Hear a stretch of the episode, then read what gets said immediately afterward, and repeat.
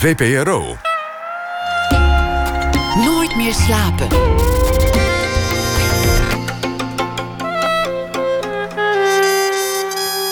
Met Pieter van der Wielen.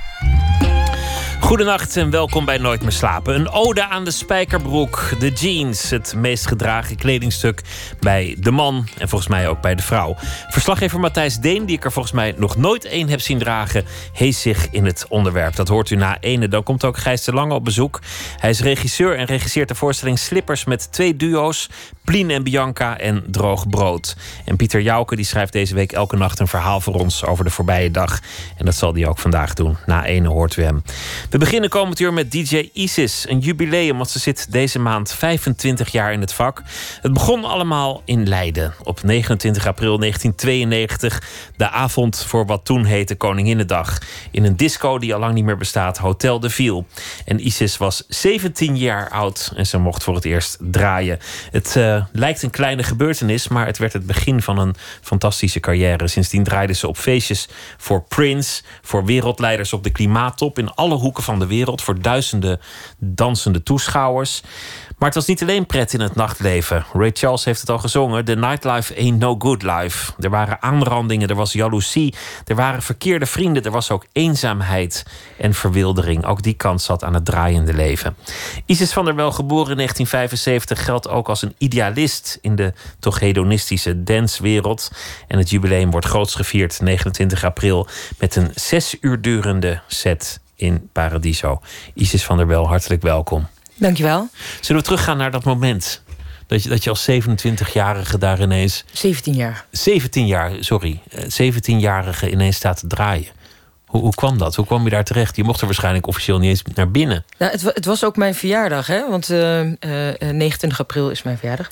En, uh, dus ik werd 17 en het jaar daarvoor heb ik uh, geoefend bij mensen thuis. Dat was toen allemaal nog met vinyl natuurlijk. En um, van het een kwam het ander. Ik zat er wel lekker in. Ik had altijd al wat met muziek. En ik had zoiets van, ik ga dit gewoon doen. En toen had ik geloof ik drie platen of zo. En die mocht ik dan opzetten in Hotel de View aan het begin van de avond. Officieel was ik niet eens programma, maar ik was soort van, zou ik zeggen, de mascotte van de club. Als klein meisje. En dan, en dan sta je, maar ja, goed openen, dat, dat klinkt een beetje als een soort voorprogramma. Maar het is eigenlijk het moeilijkst. Ja, oké, maar ik denk ook niet dat je, dat je daar nou uh, de hoogstaande ideeën bij moet hebben. Dat ik een of andere fantastische openingsset had voorbereid. Ik, ik ging gewoon die drie platen draaien die ik had. Hè? dus dat was gewoon. Naald erop. Ja, uh, hopen dat het allemaal goed ging. En uh, het is nog heel bewerkelijk, namelijk met vinyl mixen. En dat was het. En mijn eerste fans stonden voor de booth. Dus ehm, ja, dat was een beetje die, kick-off. En toen ging het daarna ook heel snel. Dus van het een kwam het anders zat ik in, in de Roxy. En uh, toen ging ik daar openen. En dat was wel echt serieus openingsverhaal. Ik was geloof ik ook de eerste uh, opwarm-dj van Nederland. Want je had al grote sterren. Eh, DJ Dimitri en, dat soort namen hadden ze allemaal. En, en jij was dan de eerste die een soort voorprogramma ook nog deed. Nou, dat was ook in het uh, voorprogramma van de avond van Dimitri. Dat, uh, dat, dat was mijn grote idool. En daar had ik ook contact mee. En ik maakte dan van die cassettebandjes in die tijd met muziek die ik goed vond. En dat had ik dan gemixt en dat liet ik hem horen. En toen vroeg hij mij van, goh, wil jij niet voor mij openen?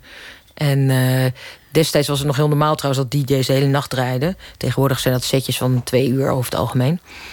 En uh, voor hem was het waarschijnlijk ook wel fijn dat iemand anders dat, dat, dat eerste trage stuk... waarbij je voor een lege dansvloer begint, uh, ging overnemen. Ondankbaar werk, want de mensen komen binnen, hangen hun jas op, kijken om zich heen. Ja, wat wordt het hier vanavond? Staan nog een beetje te praten. Ja. En, en die, die moeten nog echt die dansvloer opgeleid worden. Nou, er zijn natuurlijk heel veel mensen die, of DJ's, die willen heel graag. En die willen heel graag natuurlijk primetime, zoals dat heet, uh, ten tonele verschijnen. Uh, maar ik heb dat natuurlijk al zo vaak gedaan dat ik nu op een punt ben aangekomen dat ik het eigenlijk wel weer leuk vind om te beginnen. En wat daar interessant van is, is dat je interessant aan is, is dat je uh, eigenlijk carte blanche hebt. Er is niet iets al verteld. Je, je begint vanuit stilte. Waar ik me dan wel weer aan kan storen is dat iemand, uh, omdat er dan nog niet gedraaid wordt, vast wat opzet. Want ja, je tune toch de hele vibe eigenlijk met muziek. Zoals het dan iets is wat jij helemaal niet wil gaan draaien, dan verstoort dat ook een beetje wat je wil gaan vertellen. Je wil wel vanuit de stilte beginnen. Precies. Dat is juist heel mooi. En je krijgt ook de kans, omdat je niet die dansvloer hoeft vast te houden, uh, om stukken aan bod te laten komen die wellicht te uh, fragiel zijn om midden op de nacht te draaien, maar die wel een mooie inleiding zijn voor wat er daarna gaat komen. Ik heb je wel eens zien draaien op een feest. En eigenlijk was het een klotenfeest. Het, het was een beetje suf publiek. Het was ook een, een, een, lelijk zaaltje. En iedereen stond bij elkaar. En het was een, ja, ik weet niet, het leek alsof iedereen nog een kater had van de avond ervoor. En, en je stond echt te, te, te werken. Je was, je was echt alles uit de, aan het zwoegen was je. en, en met, met verrassingen, met, met onverwachte wendingen en een nieuwe plaat en dan iets rustigs en wel iets sneller en weer rustig. En je was echt als een, als een, een demagoog die zaal aan het opzwepen tegen hun eigen wil in. Echt aan het buffelen, maar je gaf niet op. Uh, nee, nou, dat is natuurlijk wel het laatste wat je, wat je kan doen als je aan het draaien bent. En je won. Uh, nou, dankjewel. Het is fijn om te horen. Nou ja, uh, soms is het gewoon keihard werken. En uh, dan moet je inderdaad van niets iets gaan maken. En je moet ook de mensen op een bepaalde manier in de ban krijgen. Dus daar zijn verschillende manieren voor. Maar het is natuurlijk erg ingewikkeld om een heel uiteenlopend publiek te vangen. En uh, dat is natuurlijk dan wel uh, de, de, kick die je eruit krijgt als je jezelf serieus neemt als DJ om dat dan toch te kunnen. Als het lukt. Als het lukt, ja zeker. Maar de leukste avonden dan ben je daar helemaal niet mee bezig, want dan vloeit alles. En dan, dan uh, hoef je ook eigenlijk niet na te denken. Dan kom je ook zeg maar, in een soort bepaalde state of consciousness waarin je helemaal één bent met de muziek en het publiek, zou je kunnen zeggen. Ik heb wel eens geloofd in het, het, cliché van, van sommige DJ's die met een sportwagen aankomen scheuren. een kwartier voor ze beginnen. En dan dubbel parkeren op een gehandicapte plaats. En er een, een, eh, een sticky in doen met iets wat ze thuis hebben voorbereid. En dan alleen maar hun handen in de lucht hoeven steken. Ja, dat, dat soort verhalen hoor je wel. En uh, ik wil ook niet zeggen dat het niet zo is. Of dat er niemand is die dat zou doen. Maar uh, ja, er is toch iets anders dan uh, muziek draaien gewoon om geluid te horen of uh, de magie van het moment vangen. En daarom kan je ook eigenlijk een set nooit goed voorbereiden van tevoren. Of tenminste, je kan hem wel goed voorbereiden. Maar dat op het moment dat je precies weet wat je gaat doen. Want dat dicteert eigenlijk toch de dansvloer op zo'n moment. Het is een wisselwerking. Het is niet dat je een repertoire hebt en dat, dat draai je af en dat is het. Het gaat om die magie van het moment.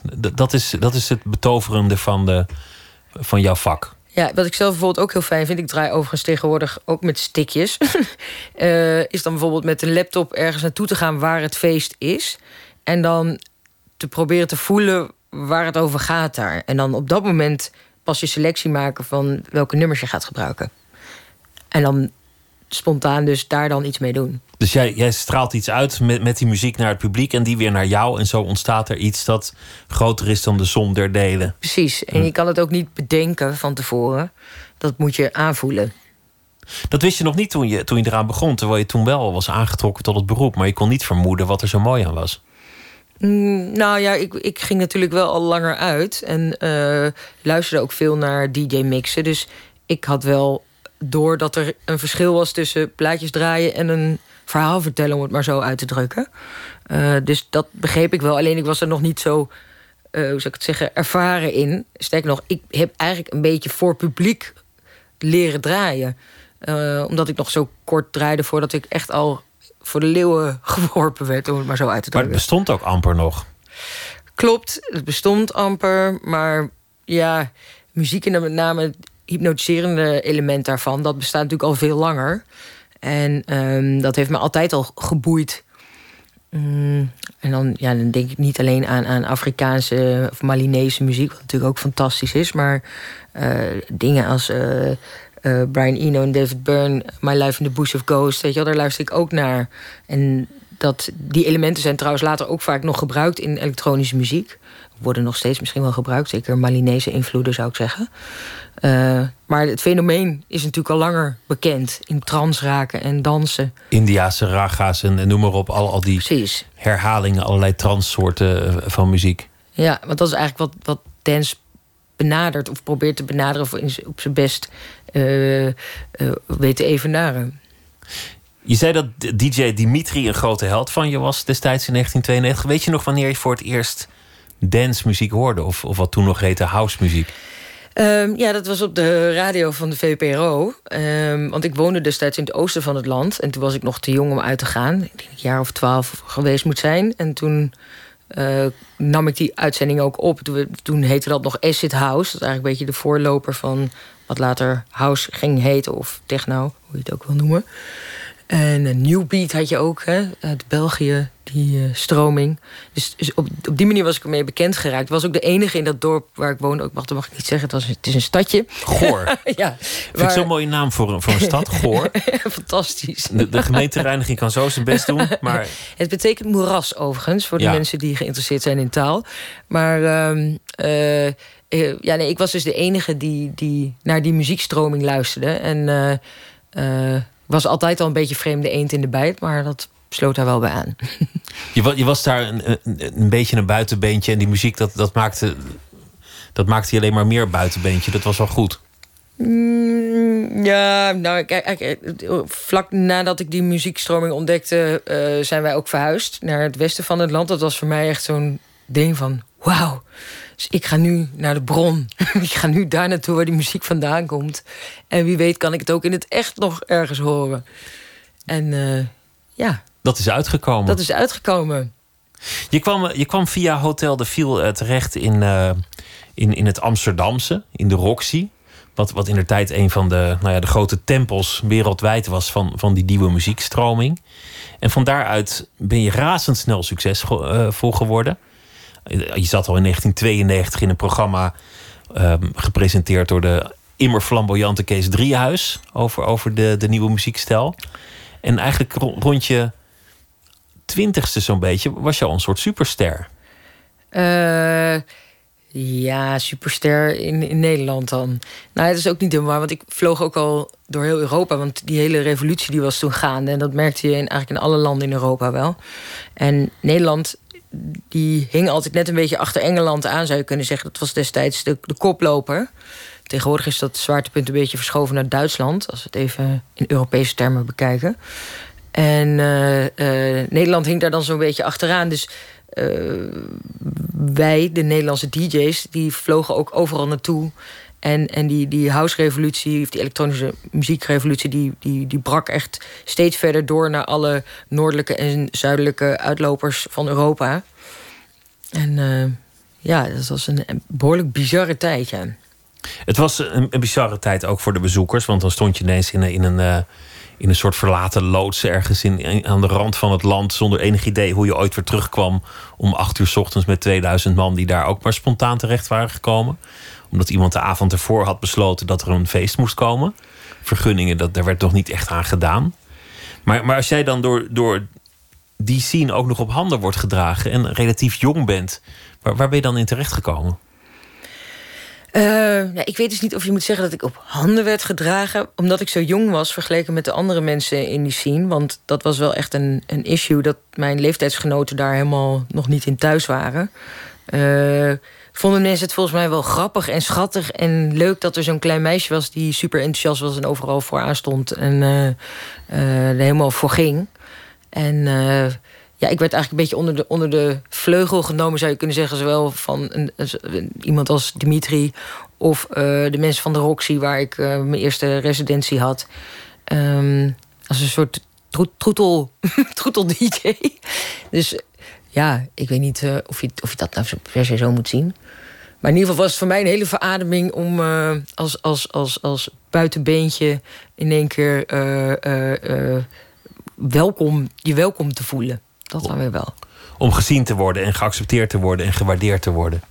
Dat soort dingen. Ja, alhoewel dat, dat hele bewustzijn wat ik daarbij had. in eerste instantie zag ik het nog heel erg persoonlijk. Van ah, nou word ik eindelijk gewaardeerd om wie ik ben. En uh, nu zien de mensen eindelijk dat ik er ook toe doe. Uh, maar later heb ik dat wel ook, ben ik dat wat minder persoonlijk gaan zien. En ook wel gerealiseerd dat het heel erg een beweging van de tijd was. En dat ja, voor iedere generatie er een soort kopstuk is dat blijkbaar in de spotlights terechtkomt. En dat heeft dan te maken, dat gevoel, met, met, het, uh, met het stadje Goor waar, waar je zat en, en jezelf een buitenbeentje voelde en niet, niet thuis was in de, in de omgeving waarin je verkeerde? Ja, niet per se alleen daar. Ik heb, ben altijd al een beetje buitenbeentje geweest. Voel me nog steeds wel buitenbeentje eigenlijk. Um, maar het is een vreemde gewaarwording om eerst uh, uh, niet, niet de hele tijd, maar soms als pispaaltje behandeld te worden en vervolgens op een voetstuk geplaatst. Dat is een hele aparte ervaring. En ja, voor mij was het best wel moeilijk om daardoor überhaupt de mensheid serieus te nemen. Omdat ik dacht van, hoe kan dat? Dat je het ene moment getreiterd wordt en het andere moment... En dan vegen, vegen jullie de vloer aan met me... en het volgende moment likken jullie mijn reep, wij spreken. En dat dan, terwijl ik jullie allemaal niet ken. Dus hoe gek zijn mensen wel niet? Dat is in ieder geval iets wat me daar heel erg van bij is gebleven, dat idee. En had je, had je vrienden in beide fases? Ehm, ja, vrienden heb ik altijd wel overal. Maar ik ben meer iemand die met heel veel mensen uh, contact eh, heeft. En ook uh, wel in staat is om te levelen met mensen. Maar ja, echt boezemvrienden of zo. Ik ben wat dat betreft ook een paar keer verhuisd. Dus, en, en dan als zo'n jong meisje tussen al die 20-plussers of 30-plussers... is toch een behoorlijke generatiekloof. Dus, dus dan is dat misschien niet een, een vriendschap in, strikte zin? Nou, er zijn nog steeds mensen die ik uit de beginperiode van mij in Amsterdam dan vooral ken. Um, maar die mensen zijn allemaal een stuk ouder. Dus uh, ik moest echt wachten totdat mijn leeftijdsgenoten zover waren, om het maar zo te zeggen. Uh, alhoewel ik wel nu leukere relaties heb, ook met die leeftijdsgenoten, die blijkbaar ook uh, een stukje die kant op zijn gewandeld en ook nu op één level zit. Moest je op je hoede zijn als, als jong meisje in de, in, de, in de nacht zien? Nou, in Nederland heb ik dat eigenlijk nooit zo gehad. Maar dat komt misschien ook omdat ik op vrij jonge leeftijd bekend werd. Waardoor mensen wel twee keer nadachten dat, om iets raars met mij uit te vreten. Maar ik kwam er wel achter dat als ik dan naar het buitenland ging of ga. En dan, en dan vooral als vrouw, denk ik. Dat er toch uh, wel wat gevaren op de loer liggen. Uh, met name door mannen die dingen van je willen. En dat komt ook omdat we in Nederland zijn we heel geëmancipeerd. Dus als vrouw heb je niet in de gaten hoe het, het, het dierlijke spelletje tussen mannen en vrouwen gespeeld wordt. En in mijn geval misschien helemaal niet doordat ik zo bekend was op jonge leeftijd. En misschien daardoor extra lang naïef ben gebleven. Misschien is dat ook een reden daarvoor. Maar dat ben ik wel een paar keer flink van geschrokken, ja. Dat, je, dat je erin werd gelokt? Doen mensen dit? Nou, ik heb echt meegemaakt dat ik aan de backstage voor een optreden stond... en dat de security man mij tegen de muur drukte en me probeerde te zoenen. En uh, gewoon een aanranding. Dat hij me echt tegen de muur drukte. Dat ik echt zo stond met zo'n hele grote klerenkast van twee meter. En uh, dat, blijkbaar vinden mannen dat, zeker als je naar het zuiden toe gaat, normaal. Had het ook iets te maken met, met de, de, de sfeer rond, rond dance in die jaren van... hé, hey, het is feest, alles moet kunnen? We leven op de rand van de vulkaan en, en uh, alle, iedereen is lief voor elkaar. Mm, nou, daar ben ik niet zo met je eens. Want je had het net ook over hedonisme. En ik kan me voorstellen dat het voor sommige mensen nogal hedonistisch overkomt, het nachtleven. Maar ik geloof niet dat dat per definitie zo is. Sterker nog, ik denk dat uh, het nachtleven gewoon een afspiegeling is van de maatschappij. Dus wat er in het dagleven gebeurt, manifesteert zich ook in de nacht. Alleen dan is het donker en dan. Uh, zijn mensen sneller geneigd om, uh, hoe zeg je dat, grensoverschrijdend gedrag te vertonen. Mede geholpen door uh, drank en drugs natuurlijk.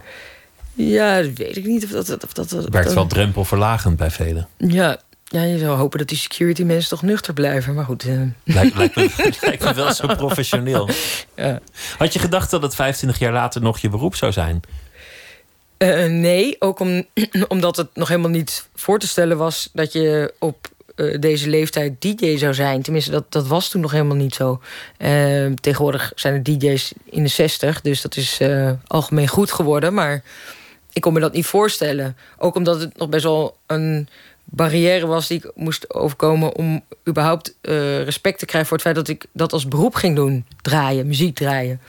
Mijn ouders die, die waren, zaten daar niet op te wachten in eerste instantie. Die dachten, er komt een studie en een echte baan. Ja, die denken, we hebben ons hele leven geknokt om te zorgen dat uh, vrouwen ook uh, een opleiding kunnen krijgen. En dan worden ze op een zeventiende DJ. maar vonden ze het wel goed dat je dat ging doen? Want, want het, het was nacht.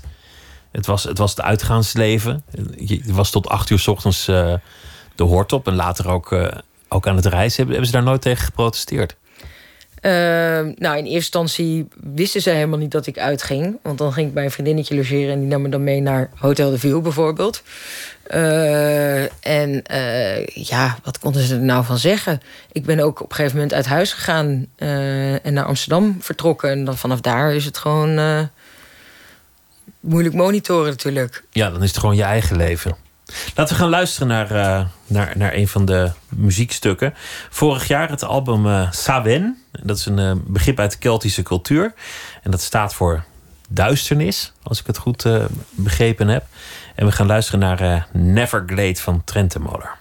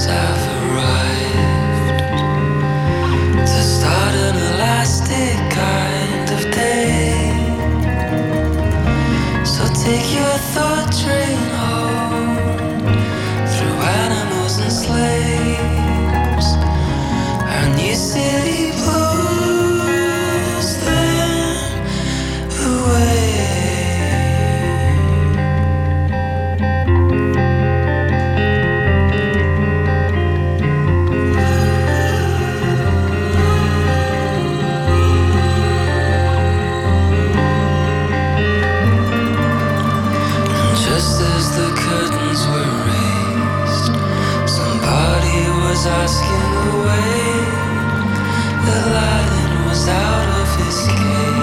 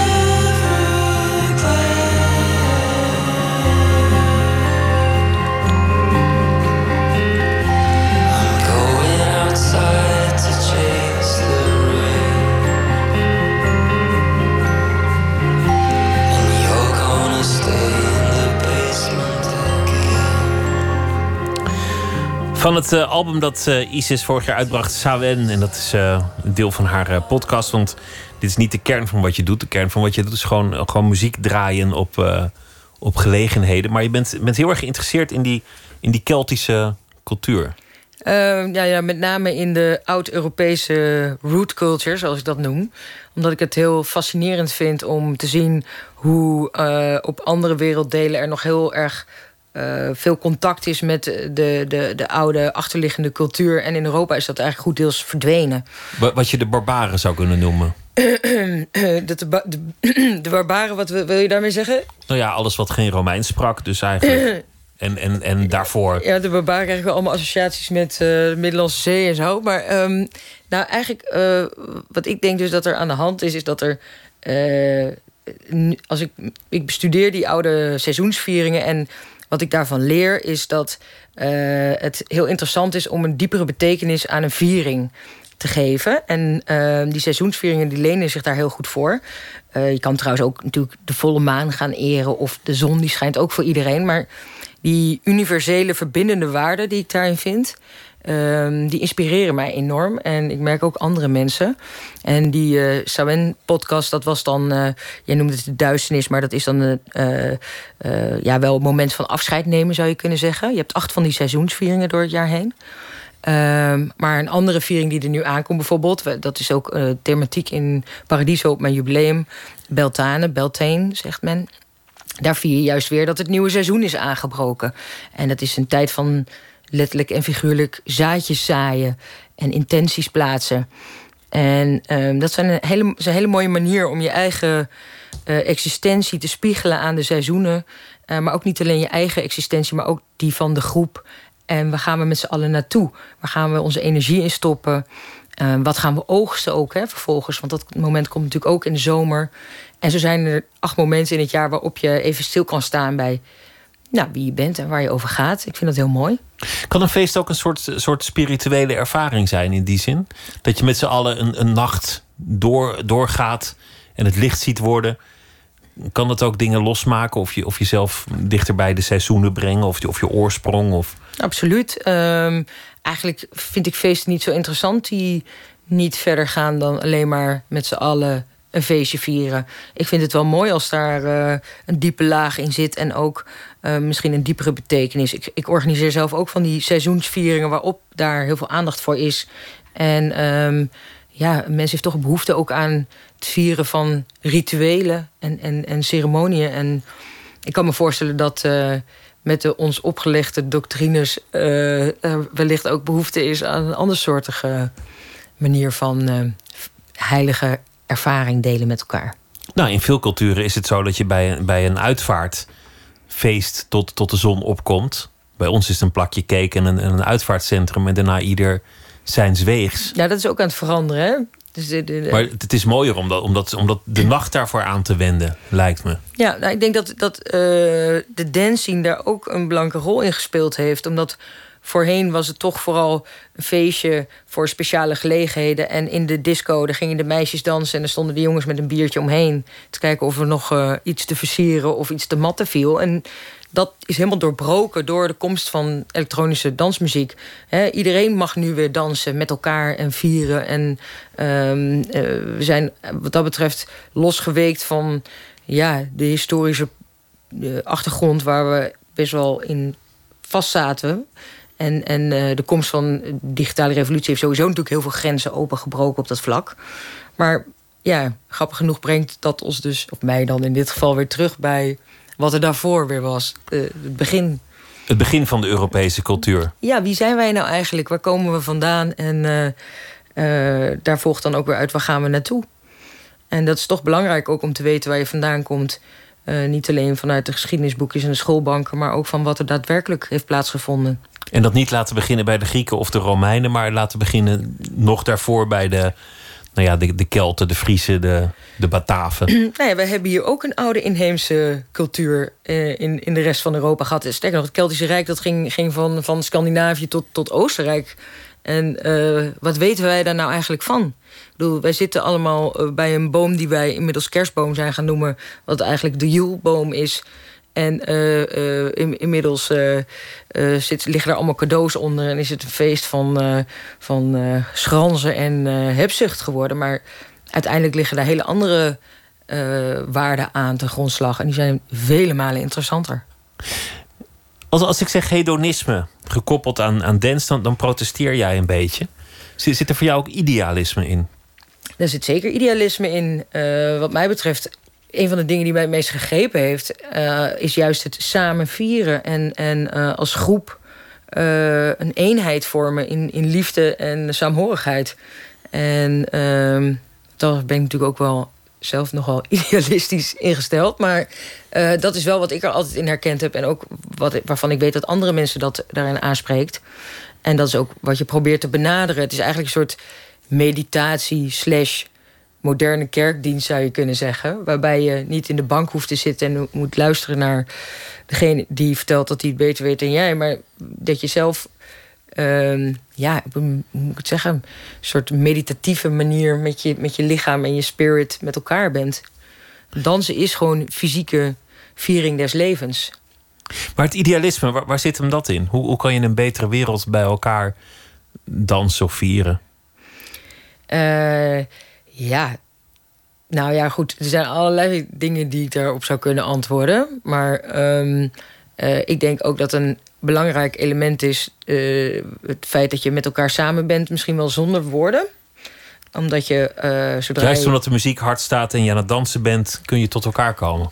Ja, nou, ik denk dat uh, ons gedachtepatroon maakt een heleboel kapot. En uh, de tekst kan dat ook doen. Niet dat ik niet van een goed gesprek hou, maar er zijn ook momenten waarop je dat even niet zou moeten willen of nodig zou hoeven hebben.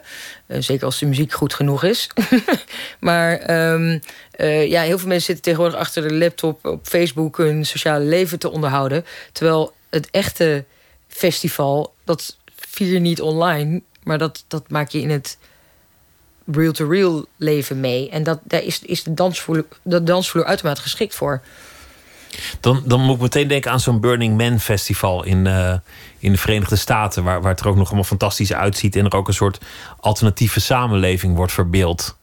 Een paar dagen lang. Ja, nou ja, dat is, dat is natuurlijk een uh, baanbrekend festival. En er zijn er meerdere uh, wereldwijd. Nederland loopt een beetje achter op dat vlak. Alhoewel hier ook kleine leuke dingen gebeuren. Maar uh, ik ben enorm geboeid door de transformatieve festivalcultuur. Zoals dat heet. En dat is dus een festival waar er inderdaad heel veel ruimte is voor verbreding en verdieping. En dat, dat doet ook inderdaad een beetje aan een religieuze bijeenkomst denken soms. Waarbij er ook echt letterlijk tempels gebouwd worden waar van alles gebeurt. Echt, mensen hebben duidelijk heel erg behoefte aan om, om, om ja, vrij van dogma's en, en hiërarchische structuren. Uh, uh, ja, eigenlijk, eigenlijk terug te grijpen op, op die spirituele ervaring die je als mens kan hebben. Uh, in, een, in een enigszins ceremoniële setting. Zoals de, de, de, de Hopi-Indianen die, die zeggen van... The, white men, they, they go to church... And they talk about God. And we go to a tipi and we talk to God. En dat is ook volgens mij wat er gebeurt op die transformatieve festivals. Dat daar heel veel ruimte is voor ja, dat spirituele bewustzijn. Zonder dat iemand daar verder jou iets probeert op te leggen. Dan, dan sta je wel heel ver af van, eh, van het, het cliché van de DJ met het privévliegtuig en de, de in de prak gereden sportwagen en, en de, de, de, vele tonnen even snel verdienen met, met een sticky. Het is moeilijk onderscheiden wellicht als je niet in de scene zit om te begrijpen wat het verschil is tussen een pop-DJ en een, en een uh, hoe zou ik het zeggen, meer artistiek verantwoorde DJ.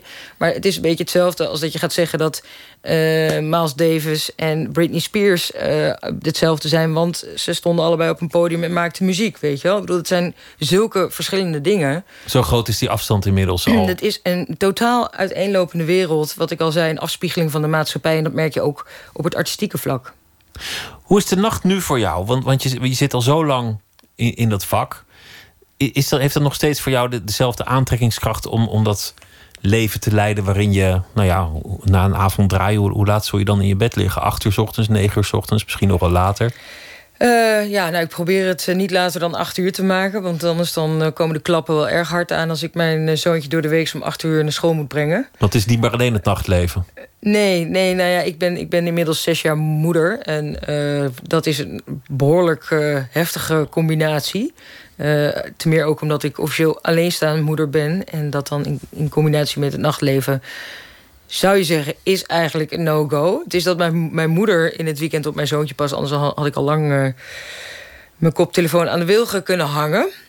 Maar uh, ik vind het heerlijk, joh. Echt waar, serieus. Ik denk echt, s'nachts leven. Ik vind het zo fijn om. Misschien heeft ook, is het ook iets spiritueels om te leven als er niet te veel uh, vertroebeling in de ether hangt. En er meer ruimte is om, en vrijheid om jezelf te zijn of om te creëren. En niet, geen afleiding. En iedereen die wil anders wat van je. En overal mensen. En ik vind dat nogal gekmakend. Laatst had ik eens een interview gegeven. En toen had iemand geschreven van dat ik zo moe werd van het vroege opstaan. Dus ik had deze persoon gecorrigeerd door te zeggen van nee, dat is het niet. Ik word moe eh, van, het, van, het, uh, van het laat naar bed gaan. Ik word moe van het vroege opstaan. Want ik wil helemaal niet vroeg opstaan. Ik, ik wil best opstaan als ik wakker word hoor. Maar niet om zeven uur omdat de wekker gaat. Ik vind het zo onnatuurlijk. de ochtend is ook wel mooi. Ik bedoel, qua kleur is het eigenlijk interessanter dan de nacht. De nacht is, is gewoon zwart en stil en, en duister. De, de ochtend heeft allerlei vormen van dauw en, en, en schemer. En... Ja, maar uh, die zie ik dan ook als ik terugkom van mijn werk. Ja, dan, dan, dan is het het allermooist. En uh, nogmaals, ik vind de ochtend niet stom, maar verplicht opstaan terwijl ik nog niet uitgeslapen ben, dat, dat, dat uh, gaat er bij mij niet in. Ik vind het echt een hel, om precies te zijn. En, en de scene, ben je, gewoon, gewoon mensen die uitgaan. Ben, ben je daar uh, nooit op uitgekeken geraakt? nou ja, ik denk dat, uh, dat daarmee ook mijn hang naar die transformatieve festivalcultuur uh, duidelijker wordt. Aangezien er geen leeftijdslimiet daar is. Dus um, mensen komen ook van alle leeftijden daar naartoe met hele gezinnen en al en kinderen. En ik ben ook heel erg gebiologeerd door uh, een dorp als kunstenaarsdorp als Ruigoort, waar uh, de oudste mensen in de tachtig lopen en de jongste mensen baby's zijn. En dat is ook volgens mij die tribalness waar we een hoop van zouden kunnen leren. Dat we elkaar uh, helpen, de jongeren, de ouderen en de ouderen, de jongeren met, met opgroeien. En dat hele afgesplitste van en dan ben je twintiger en dan ben je dertiger en dan ben je veertig. Ik geloof daar helemaal niet in. Ik vind dat heel geestdodend en ook een beetje ja, hoe zou ik het zeggen, uh, beangstigend. Want op die manier leeft iedereen langs elkaar heen. En dat is juist niet wat we moeten hebben. Maar wat je net omschreef, de dorpsdisco, de meisjes op de dansvloer en de jongens langs de oever met een biertje in de hand kijken of er iets te, te vissen of te matten viel. Ja. Daar zat een duidelijke leeftijdsgrens. Dan, dan was het voorbij, nou ja. voorbij 35 hoorde je daar niet meer te komen. Nou, je hebt ook wel echt de typische clubcultuur... waarbij er vooral veel twintigers uitgaan. En uh, dat begrijp ik dan ook wel weer. Want je komt net uit huis bij je ouders vandaan. En je hebt even geen zin om met mensen geconfronteerd te worden die je aan hen doet denken. Of uh, je wil juist je omringen met leeftijdsgenootjes. Omdat je heel erg met jezelf bezig bent en probeert te ontdekken wat je wilt doen in het leven. Dan spiegel je graag aan leeftijdsgenootjes, denk ik. Maar op een gegeven moment, als je wat volwassener wordt, zeg 30-plusser, dan is het juist heel leuk om ook andere generaties om je heen te Ik heb trouwens altijd gehad, maar ik merk gewoon heel erg dat dat een tendens is die nu gaande is. Dat steeds meer mensen uh, zich niet meer te oud voelen om uit te gaan. Ook omdat het uitgaanslandschap aan het veranderen is op dat vlak. Maar toen je jonkie was, 1992, toen was je, was je het jonkie tussen de wat ouderen. En nu zul je ook veel wat jongeren in je vriendenkring hebben. En ongetwijfeld ook nog wat ouderen. En uh, leeftijd heeft nooit echt een grote rol gespeeld in jouw eigen perceptie? Nee, ik vind het juist interessant om van zoveel mogelijk dingen te proeven en te leren. Dus ik heb dat ook met mensen zo. Dat ik, dat ik ja, ik, uh, ik, ik zie dat als iets beangstigend dat je alleen nog maar met leeftijdsgenootjes bent. Ik denk dat dan zit je in een doodlopende hoek. Dan moet je uit. ja, dat denk ik wel, ja. We gaan luisteren naar uh, uh, nog iets wat Keltisch geïnspireerd is. Gustavo Santaolalla. En dat heet de Ushaya a la Kwaika. Wil jij het goed zeggen? Eh, Zuid-Amerikaans, mensen. Oké.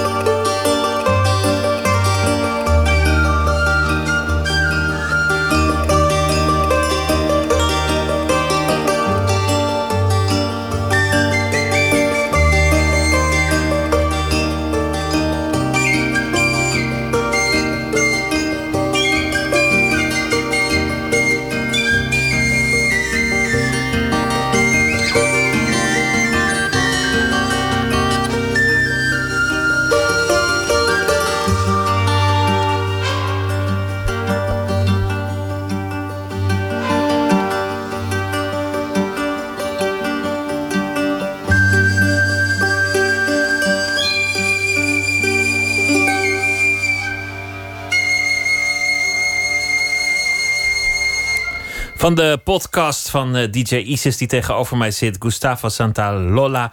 En uh, dit was uh, Zuid-Amerikaans. Ik ga niet nog een keer proberen de titel uit te spreken. Dat gaat gewoon niet. Ja, iets met Ushuaia volgens mij. Ja, dat, het zuidelijkste puntje van Zuid-Amerika. Jij je, je, put inspiratie uit, uit allerlei bronnen om dat weer te verwerken in, jouw in jouw set, zeg maar, in jouw muziek. Uh, ja, ik, ik, ik ben gewoon dol op goede muziek. En het maakt me eigenlijk niet zoveel uit uh, waar het vandaan komt of wie het gemaakt heeft, als het maar uh, goed is. En ook helemaal volledig genreoverstijgend. En ja, het kan mij niet breed genoeg op dat vlak. als DJ moet ik natuurlijk wel proberen om dansbaar te houden. Dus deze, die podcastmixen die ik dan maak, dat is puur om naar te luisteren. Um, maar het is wel heel interessant. Want je ziet tegenwoordig ook een hele verschuiving in die dance scene. Waarbij de laatste vijf jaar is dat een beetje opgekomen. Er een, uh, een terugval in de tempo is. Dus uh, van 120 beats per minute naar nou, soms uh, onder de 100 zelfs. En uh, deze mu muziek die ehm, heeft allemaal etnische invloeden in zich. En die komen ook werkelijk overal vandaan. Dus nu is natuurlijk de techniek zover dat je alles maar kan mixen met elkaar. En uh, daardoor is het makkelijker geworden om hele complexe ritmes en andere soorten samples of zelfs hele stukken te verwerken in, uh, of met een beat of met een bepaald ritmepatroon erbij, waardoor het weer dansbaar is en mixbaar voor DJ's. Dus een hele grote scene ontstaan en dat is wel heel mooi, want er zitten dus hele fantastische producers en DJ's over de hele wereld. Het is heel tof, die zie je echt overal steeds meer opkomen, die zich specialiseren in dat geluid. En daar gaat eigenlijk wel mijn persoonlijke voorkeur naar uit tegenwoordig. We begonnen uh, in Hotel de Viel te Leiden 29 april uh, 1992. Uh, je verjaardag, iemand van 17 die ook eens een keer uh, een set mag draaien aan het begin van de avond. Je zei via de muziek werd ik iemand. Ik, werd, ik stond letterlijk op het podium, op de booth en ik ehm, was kort daarvoor weggegaan uit het oosten des lands, waar, waar ik toch een buitenbeentje was, waar ik getreiterd werd. En ik was, ik was blij toen ik naar het westen kwam, want je dacht, dan ben ik dichter bij die muziek en nu kan ik iemand zijn. Maar je had ook een soort houding naar de rest van de wereld. Van ja, het ene moment spugen ze op je, het andere moment plaatsen ze je op een podium. Hoe gek zijn jullie allemaal? Je had toen zeker nog niet gedacht dat je later nog zou draaien. Maar het was wel het begin van een explosie die over heel Europa uitwaaierde. En waar jij deel van uit kwam uh, te maken. Je zei dat je, dat je inmiddels heel erg geïnteresseerd bent in de, de spirituele en idealistische kant van wat een feest is. Wat een feest betekent voor mensen. Hoe je tot een cultuur kunt komen met, met een feest. Hoe je tot elkaar kunt komen met een feest. Dat dat eigenlijk is wat jou fascineert. En dat het voor jou gaat om het draaien in het moment. Het aanvoelen van de zaal en samen tot iets komen dat er nog niet was. Dat heb je knap uh, opgezomd. Wat, wat, zijn, wat, zijn, de keerpunten in jouw leven geweest? Mm. Poeh, dat vind ik moeilijk om te zeggen. Uh, nou, mm, voor mij was een heel belangrijk moment wel dat ik me ging openstellen voor andere ideeën dan die ik tot dusver had gehad. Uh, niet dat ik uh, nou zo kortzichtig was, maar wel heel verstandelijk. En um, wat ik net ook al zei, dat je door gedachten kan je uh, bepaald bewustzijn juist kapot denken.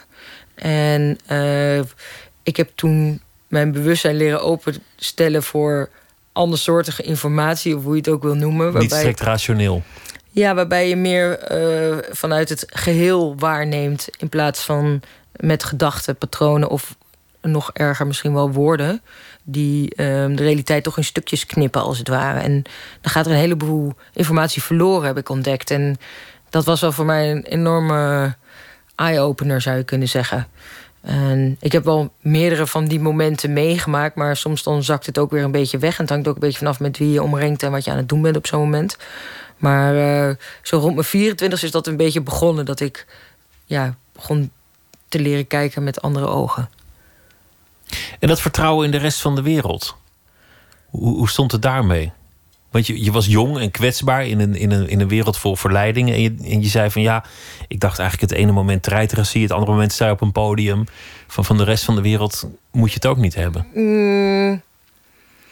Nou, ik ben, kom gewoon uit een heel liefdevol nest. En uh, als je thuis wordt opgevoed met het idee dat je goed moet zijn voor elkaar en uh, respect hebt voor anderen en dan is het moeilijk voor te stellen dat er mensen zijn die niet zo zijn. En dat was voor mij wel een harde les die ik overigens nog steeds aan het leren ben. Want telkens dan kan je weer niet voorstellen dat iemand tot iets vreselijks komt. En dan komt die persoon daar toch toe. En dan moet jij daar op een of andere manier uh, aan meebetalen. Maar dat is, was en is voor mij nog steeds moeilijk om te begrijpen hoe, hoe bestiaal en, en onbeschoft mensen kunnen zijn. Maar ik wil dat niet op de dance scene reflecteren. Want wat mij betreft gebeurt dat overal. En... Maar je bent ook een zakenvrouw. Dus, dus daarin moet je, moet je die gedachte toch zeker ergens in het achterhoofd hebben. Nou ja, kijk, voor mensen uit de creatieve sector, of hoe moet ik het zeggen, eigenlijk misschien kunstzinnigen, die zien mij dan als een zakenvrouw. Maar ik denk dat de zakenmensen zich helemaal slap lachen als je mij als zakenvrouw gaat presenteren. Want dan zou ik toch een stuk harder moeten opstellen. Nou ja, laat, laat ik zeggen, je investeert geld en je hoopt er toch iets van terug te zien. Oh ja, waar investeer ik geld in dan? Nou ja, je organiseert wel eens een feest of je, of je zorgt dat er iets, iets gebeurt. Ja, maar dat geloof ik dus niet, want ik steek er wel geld in. Maar dat doe ik met een andere initiële beginwaarde, namelijk iets moois creëren. En dat het dan succesvol wordt en geld oplevert, dat ben ik inmiddels wel gewend. Maar het is niet dat het daarom gaat. En ik geloof daar ook heel erg in. Wat is de initiële kracht, de intentie? Waar is mee begonnen? Dat weer klinkt in alles wat er daarna gaat gebeuren. En op die manier uh, onderneem ik. Dus ik onderneem dingen om mooie dingen te maken, niet om geld te verdienen. Dat is echt een hele andere manier van zaken doen. Nee, maar ik, ik vroeg het in het kader van, van vertrouwen in mensen. Als je, als je heel goedig bent, of, of eigenlijk heel. Nou ja, gelooft in andere waarden dan, dan strikt het financiële, dan, dan moet je toch altijd leren ook om, om op te passen en ook juist om anderen weer wel te vertrouwen, dat soort dingen. Mm Ja, dat is ook ingewikkeld en ik ben nog zeker niet uitgeleerd op dat vlak. En maak ook wel eens fouten waarvan ik achteraf denk van hoe heb je dan dit kunnen doen? Of tenminste, heb je hier vertrouwen in kunnen leggen? Maar aan de andere kant is het ook belangrijk om, om uh, wel vanuit liefde te blijven opereren. Omdat uh, uiteindelijk dat het allermooiste is wat je kan doen. Dat is gewoon ook een hogere vorm van liefde. Dus niet een baatzuchtige mm, persoonlijke vorm van liefde, maar uh, gewoon puur vertrouwen op de schoonheid van de kracht van liefde. En wordt het heel een beetje zoetsappig, maar daar, daar, daar, daar geloof en vertrouw ik uh, op en in, en moet ik het zeggen? En dat drijft mij ook altijd. En um, ja, je bent misschien een druppel op de gloeiende plaat. Maar anderzijds ben je ook onderdeel van het grote geheel. En alles wat je doet, doet ertoe. Dus je kan maar beter zelf zo oprecht mogelijk zijn. En zo goed mogelijk je energie erin stoppen. Want dan uiteindelijk resoneert dat ook weer naar de mensen om je heen. Wat betekent eh, een, een thuis voor jou? Een, een, tafel en een bed en een stoel en een broodrooster en, en, en dat soort dingen. Maar lange tijd leeft je natuurlijk ook voor, voor een deel uit een koffer. Uh, klopt. En eigenlijk sinds de geboorte van mijn zoon zit ik een beetje vast. Dat klinkt niet zo positief, maar dat komt ook omdat ik het toch wel ook als een belemmering ervaar dat ik niet meer vrij ben om te gaan staan waar ik wil. Um, maar eh, het heeft ook iets interessants, want ik kan ook niet meer weglopen van mijn leven hier. Dat ik denk van, nou jongens, de groeten, ik zie jullie allemaal over een paar weken weer, of ik ga even een maandje weg ik moet echt nu ook dealen met alles wat ik doe en creëer. Want ik heb nogal de neiging om heel veel aan te wakkeren. en een enorme verzameldrift ook. Dus ik moet nu echt met alles waar, wat ik in de loop van mijn leven aan letterlijk en figuurlijke bagage heb verzameld aan de slag. En uh, daar uh, mijn nieuwe ik uit uh, extraheren. Terwijl, terwijl het ergens ook wel je ideaal is om, om alleen maar een, een heel klein koffertje te hebben dat, dat, uh, dat in de handbagage kan en dat dat je al je bezittingen zijn en dat je totaal vrij bent. Uh, ja, nou, dat is een hele aparte dynamiek tussen enerzijds inderdaad behoefte aan vrijheid, maar anderzijds ook ontzettend gehecht zijn aan spullen. Want hoe spiritueel ingesteld ik ook mag zijn. Ik ben echt dol op spullen. Wat voor spullen dan? Ja, ik zie echt overal nog het nut in. Ik begrijp bijvoorbeeld niet dat mensen, als ze een A4'tje hebben dat aan de ene kant beschreven is, dat ze die andere kant dan niet gebruiken om nog wat notities op te maken of zo. Weet je? Maar dat gaat maar door. Ik zie overal nog hel en dan denk ik, oh, dat is nog handig voor die. Of dan kan ik nog een keer dat mee doen. Ik doe ook zoveel verschillende dingen, waardoor al die dingen uiteindelijk wel weer ergens van pas komen. Dus je gooit ook nooit oude kranten weg? Of, uh... Nou, dat ben ik dus uh, wel mee begonnen al een tijdje. Dat, uh, dat ruimt enorm op. Maar ik, ik heb gewoon natuurlijk enorm veel evenementen georganiseerd. Heb allemaal bizarre kostuums en decor-items en uh, you name it. Echt waar. mensen verklaren me ook voor gek hoor. Er was iemand over de vloer gehad die zei van... Je moet gewoon zo'n allesbrander kopen. Die was echt heel serieus van, fik erin. Maar uh, ik word er steeds beter in. Dat vind ik ook wel een goed idee. Gewoon, gewoon uh, de fik erin. Dat is, dat is volgens mij veel verstandiger. al, die, al die troep, wat, wat moet je ermee? Zie je jezelf echt op je, op je zestigste nog, nog ergens DJ zijn? Met, met, met een leesbril en dan de technieken van die tijd... en dan zo'n nacht ingaan? Nou ja, eigenlijk. Want nu ik eenmaal uh, de 40 ben gepasseerd, zie ik mij ook nog wel weer de 60 halen met de muziek. En, en los daarvan denk ik ook dat het, het vieren van het leven, daar moet je niet mee ophouden.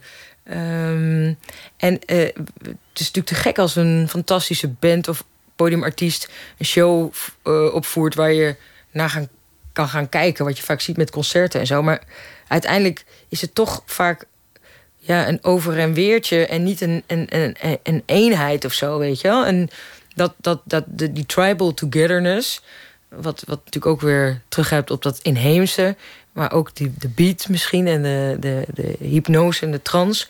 Dat is volgens mij heel gezond om dat als groep te ervaren en ook met mensen van verschillende leeftijden. Dus ik hoop oprecht dat tegen die tijd er steeds meer mensen in de ban raken van het samen vieren en, en, en beleven op een liefdevolle manier. Uh, en die inspiratie ook weer mee naar huis nemen. Want dat is ook zo mooi van uh, de offspin van, van de dancecultuur. De inspiratie die mensen opdoen. Je begon, je begon in de jaren negentig en dat, dat, was ook. Dat idealisme zat er heel eventjes in, in het begin. Het was de uh, Summer of Love en het, het, was nieuw en wild en, en, en ongeëxploreerd. En toen kwamen al die andere hoeken erbij bij die dancing. Maar als er, als er één rode draad in zit in het nachtleven, is, is dat toch wel een beetje vertrut is ook. Ik weet niet of je dat kan zeggen, want voor de buitenwereld, de, de, de observator van buitenaf, lijkt dat misschien zo, omdat wat in jouw uh, vizier terechtkomt wellicht een beetje truttig is. Maar dat betekent niet dat daarachter niet een hele wereld schuil gaat die eigenlijk nog steeds groeiende is. Waarbij dingen gebeuren die helemaal niet truttig zijn. En misschien zie ik het niet. Nou, ja. dat denk ik, ja. En, denk uh, ik ook hoor, maar ik, ik denk wel dat het veel, veel georganiseerder en veel. veel uh, minder wild is of zo, ja, minder, minder anarchistisch. En het eind van de jaren zestig, weet je wel, hadden we ook een Summer of Love. Nou, kijk wat er daarna gebeurd is met, met de platenbazen en de managers en de bandjes en zo, weet je wel. Ik bedoel, uh, ergens begint iets spontaan en daarna wordt het geëxploiteerd. En uh, of het nou de planeet Aarde is, uh, de, de hippiecultuur of de dancing, dat is gewoon blijkbaar de periode waarin we leven. Dat krijg je als je op school te veel over de Romeinen leert. is, dat, is dat het moment dat je ook, ook het gelukkigst bent? Als je staat te draaien en het lukt? Uh, ja, dat is natuurlijk de ultieme beloning voor jou als DJ. Als je ergens uh, met de muziek bent die jij goed vindt. En je laat dat horen aan mensen. En de mensen reageren er goed op. En je komt samen in een soort positieve spiraal terecht. En uiteindelijk een climax en uh, iedereen gelukkig. En uh, hè? dat is toch, hoe mooi kan het leven zijn? Nou, omdat ik ook, ook denk in, in termen van nalatenschap. Dat als je dat, dat keer op keer doet. En ik, ik, ik zie er ook wel heel erg de, de, de, schoonheid van in. Dat ik me ook kan voorstellen dat je, dat je gaat nadenken van. Wat laat ik na? Of wat, wat blijft hiervan over? Of is dat niet iets waar jij mee bezig bent? Uh, nou ja, ik zou graag meer muziek maken. Dat is wel iets waarvan ik denk van dan wordt het toch wat tastbaarder. Want zo'n zo'n set die vervliegt toch altijd weer na zo'n nacht. Daar zit al die energie in en dan is het ook weer weg. Wat uiteindelijk ook weer een stukje magie brengt, denk ik. Um, maar wat ik ook doe bijvoorbeeld, dat doe ik al een tijdje. Ik organiseer al sinds 2000 evenementen. Maar uh, ik probeer ook eh, de Nederlandse scene op verschillende punten te helpen daarbij. Door uh, uh, te werken als adviseur, programmeur, begeleider voor de transformatieve festivalcultuur. Dus daarin ben ik ook bezig met uh, niet alleen het muzikale verhaal vertellen, maar ook wat daar nog bij komt kijken. En um, ik ben zelf ook geïnspireerd als ik naar zo'n festival ben geweest en ik, en ik uh, heb daar iets meegemaakt wat mij een beter mens of een, ja, een stuk vooruit heeft geholpen in mijn ontwikkeling. En dat neem ik dan ook mee naar huis. En op die manier is het toch een soort olievlek waarbij iedereen iets meeneemt. En ja, als jij daar een schakel in kan zijn of als jij een bijdrage kan leveren, dan is dat volgens mij een hele mooie levensvervulling. Over uh, nou ja, een, een, dikke week is het zover, het 25-jarig jubileum. Zes uur ga je draaien aan één stuk uh, door. Ja. Wat ga je allemaal uitspoken daar? Uh, ja, ook dat kan ik dus nog nu niet vertellen. Maar wel dat ik door mijn archieven aan het gaan ben. Dus dat is een enorme klus. Um, en ik probeer dan natuurlijk de, de, de, de pareltjes uit mijn collectie... Uh, tot een, uh, een, een hedendaags verhaal te brengen. Door, door, door je eigen oeuvre heen te gaan, door je eigen geschiedenis heen te gaan. Ja, wat heb ik verzameld in de loop der jaren aan muziek en hoe kan ik daar een verhaal van maken wat en op een bepaalde manier opleeft aan de verwachtingen die mensen zullen hebben, die wellicht de afgelopen 25 jaar aanwezig waren. Maar ook, ook voor mij als artiest. en en niet, niet in de laatste plaats ook de jonge generatie zal boeien. Ik wens je heel veel plezier en uh, heel veel succes met de volgende 25 jaar. DJ Isis, dank je wel. Jij ook heel erg bedankt. Het was me genoeg je Thanks. hier uh, te ontvangen. Zometeen gaan we verder met uh, onder meer de Spijkerbroek. En Gijs de Lange, regisseur, komt op bezoek. En Pieter Jouke heeft een verhaal gemaakt bij de dag die achter ons ligt. Twitter, het VPRO NMS. En we zitten ook op Facebook. En de podcast, die kunt u downloaden via iTunes of de VPRO-website.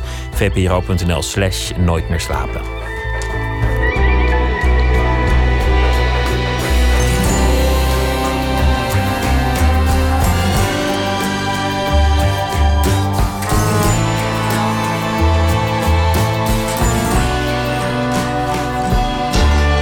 Radio 1. Het nieuws van alle kanten.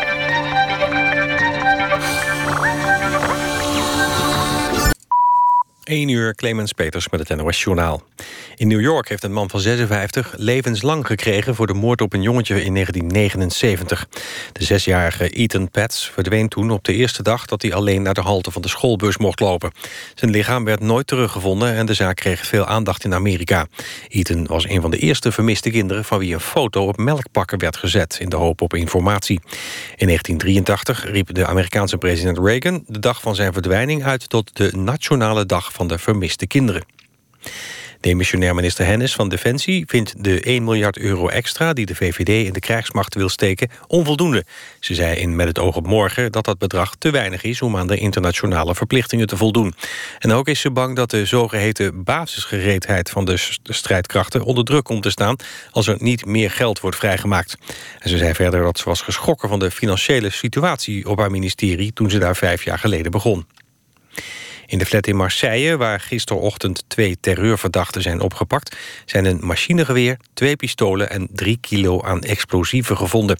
Volgens de Franse autoriteiten waren de mannen van 23 en 29 jaar... bezig met het voorbereiden van een aanslag...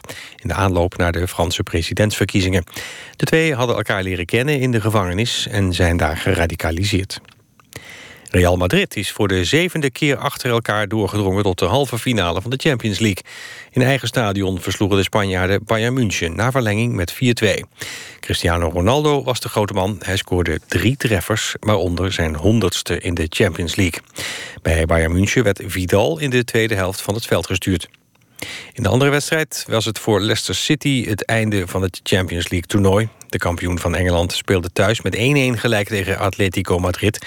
En dat was niet genoeg om de 1-0 nederlaag van vorige week in Madrid goed te maken. Het weer. Vannacht is het helder. In het binnenland gaat het op veel plaatsen licht vriezen. Morgen is het vrijwel droog en dan wordt het 8 of 9 graden.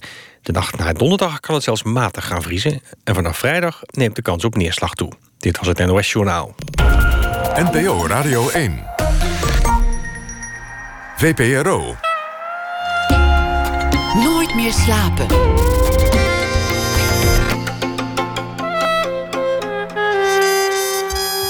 Met Pieter van der Wielen. Het is de week van de Denim Days in Amsterdam. En de gemiddelde Nederlander bezit vijf spijkerbroeken. 5,2 zegt de statistiek. Hoe dat zit weet ik ook niet precies. Maar onze verslaggever Matthijs Deen, die volgens mij nog nooit zo'n ding aan heeft gehad... die uh, ging op zoek naar het geheim achter de spijkerbroek. Dat hoort u zo meteen. Gijs de Lange komt op bezoek. Hij is regisseur en hij is eh, te gast vanwege de voorstelling Slippers, waarin twee duo's uh, spelen, onder meer Plien en Bianca. Pieter Jouke die, zal een verhaal maken bij de voorbije dag. Hij is cabaretier en tekstschrijver, maar eerst het culturele nieuws van de voorbije dag. De belangrijkste journalistieke prijs van Nederland, de Tegel, die zijn uitgereikt. Uh, meerdere prijzen, ik noem er een paar. De NOS op 3 die kreeg een tegel voor uh, de productie over de Brusselse wijk Molenbeek. Bij ons in Molenbeek. In de categorie nieuws wonnen de Groot en Groenendijk van het Algemeen Dagblad met de zaak Dupont. Dat ging over een uh, chemisch bedrijf in Dordrecht waar van alles mis was. En Sarah Selbing en Esther Gould van Human die kregen een prijs voor de serie Schuldig. En dat ging over eh, de categorie achtergrond. Dan was er ook nog eh, een onderwerp van het nieuws aanwezig, namelijk eh, de atleet van Gelder, die aan de ringen hing en zo een mooie presentatie gaf aan het verzamelde journaalje. Topman Mark Zuckerberg van uh, Facebook heeft zich uitgesproken over de Facebook-moord. Hij uh, heeft zijn medeleven geuit naar de nabestaanden. En heeft ook de verantwoordelijkheid toch een beetje op zich genomen. Hij zegt dat Facebook veel doet om de veiligheid te bevorderen van mensen. Maar dat deze moord heeft duidelijk gemaakt dat ze er nog lang niet zijn. De dader van deze moord filmde hoe hij een man door het hoofd schoot. En zette dat vervolgens op Facebook, waar het filmpje twee uur lang te zien is geweest. Het gaat heel erg goed met Netflix. Ergens in de komende maand zal de 100 miljoenste abonnee een feit zijn. En ook de winst van het bedrijf is flink toegenomen. Kijkcijfers maken ze niet openbaar. Maar sinds vandaag is wel duidelijk dat het succes niet alleen zit in de kwaliteitsseries waar iedereen het altijd over heeft, zoals uh, House of Cards. Maar dat ook het wat meliger genre verantwoordelijk is voor het succes van Netflix. Komiek Adam Sandler bijvoorbeeld die op andere media nooit zo'n florissante carrière blijkt eh, te hebben gehad, is wel een van de grote successen van Netflix. Dan heb ik aan de telefoon eh, Leon Gies. Hij is filmmaker en muzikant en gastconservator van het Nationaal Militair Museum in Soesterberg.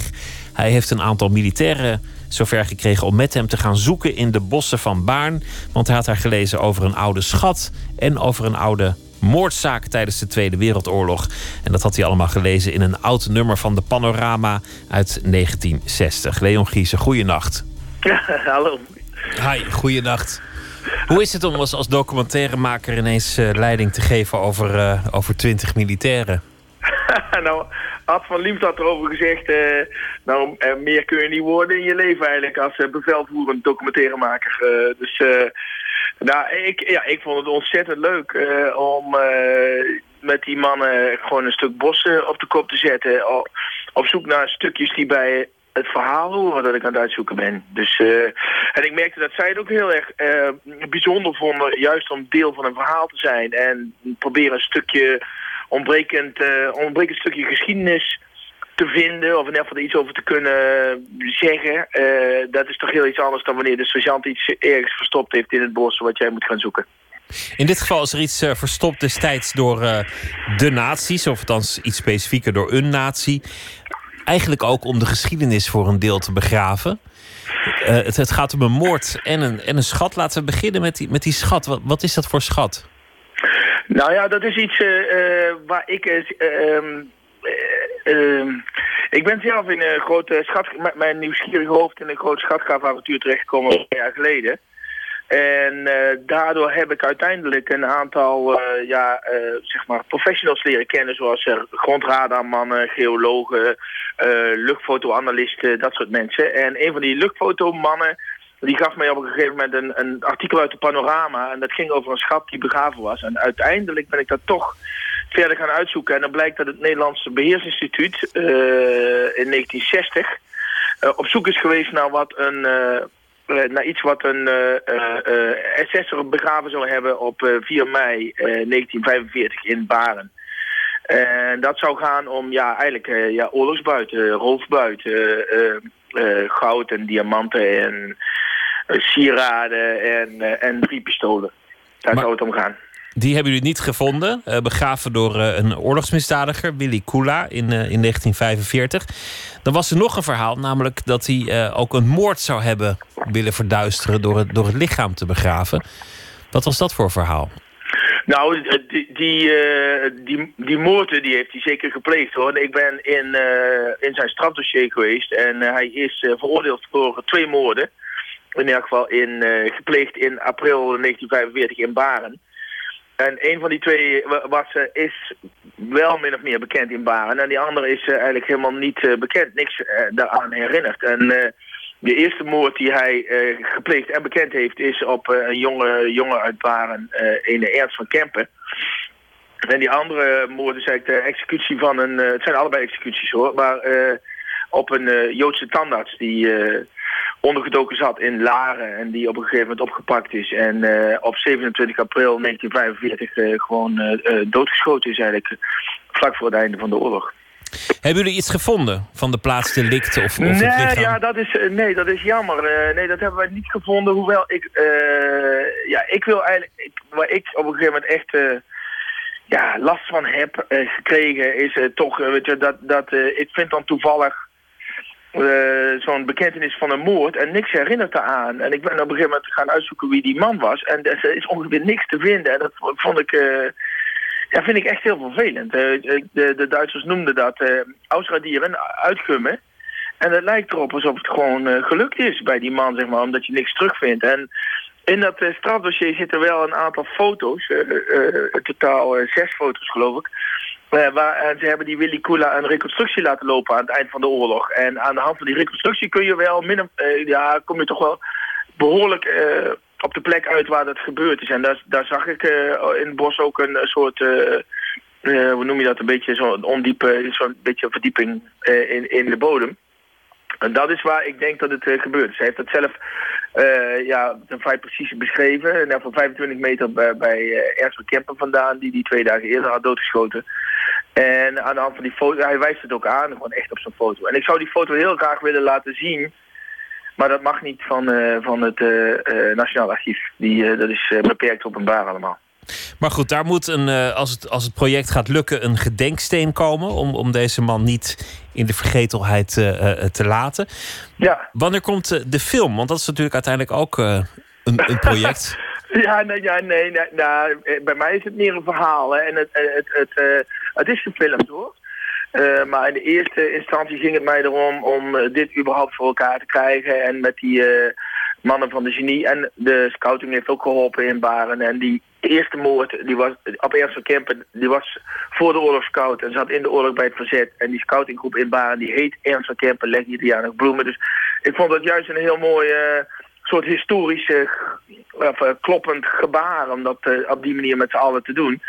En die film, ja, dat weet ik niet. Het is, ik heb fantastisch materiaal en een geweldig verhaal. Maar in de eerste plaats ben ik dat nu aan het vertellen in het Nationaal Militair Museum. En op 4 mei in het Huis Utrecht en volgend jaar 4 mei in de Kleine Comedie. En ik vind het nog mooier, zeg maar, ik, ik, ik heb vroeger een aantal documentaires gemaakt en met heel veel plezier gedaan. Maar ik vind het nog leuker om dat gewoon echt live te delen met mensen en om echt op dat moment iets te laten ontstaan. In het theater en als gastconservator van het Militair Museum ook nog. Leon Giesen, veel succes met uh, ook uh, het, het, uh, de crowdfunding voor het. Ja, we zijn halverwege hoor. Hij gaat echt. Hij, het, het, gaat komen en de burgemeester is voor en college is voor, Staatsbosbeheer is voor. Dus we gaan het gewoon doen. En dan wordt het toch hopelijk een beetje net zoals de steen van, van Bram van Meulen, zeg maar, die het plaats waardoor de rivier toch nooit meer helemaal hetzelfde zal lopen. Ik wens je heel veel succes. Dankjewel, Leon Giesen. Ja, graag gedaan. Dankjewel.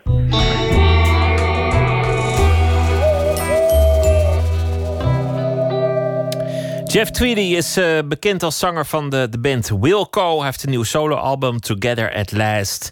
En dit nummer heet Laminated Cat.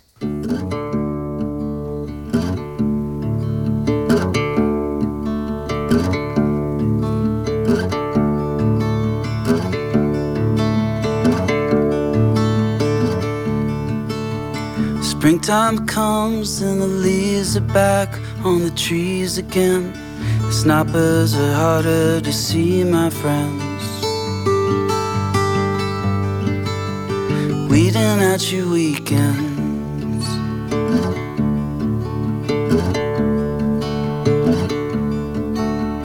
Summer comes, gravity undoes you. You're happy because the lovely way the sunshine bends. Hiding in the deep end, weeding out your weekends.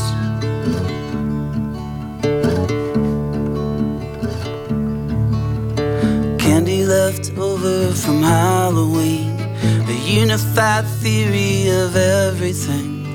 Love left over from lovers leaving. Books they all know they're not worth reading. Not for the season.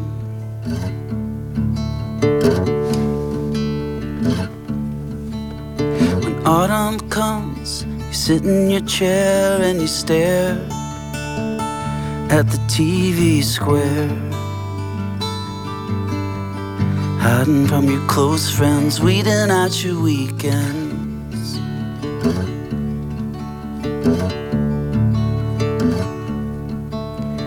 Winter comes, the days all start late. There's motion on the boughs where the dark shapes prowl.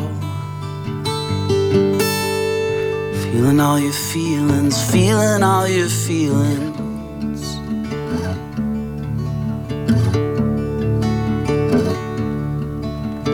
Candy left over from Halloween, a unified theory of everything. Love left over from lovers leaving, books they all know they're not worth reading. They're not worth reading. Jeff Tweedy met Lemonaded Cats.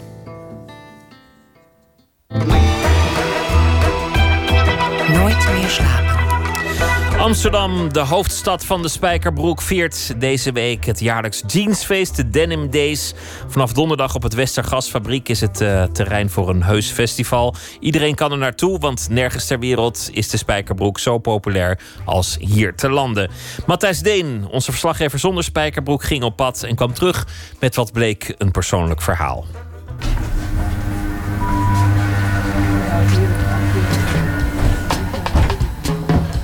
Gemiddelde Nederlander, als hij al bestaat, bezit vijf spijkerbroeken. Dat zijn er heel veel, meeste ter wereld. Ik heb er geen. Dus de andere Nederlanders hebben er, logisch gezien, zelfs meer dan vijf.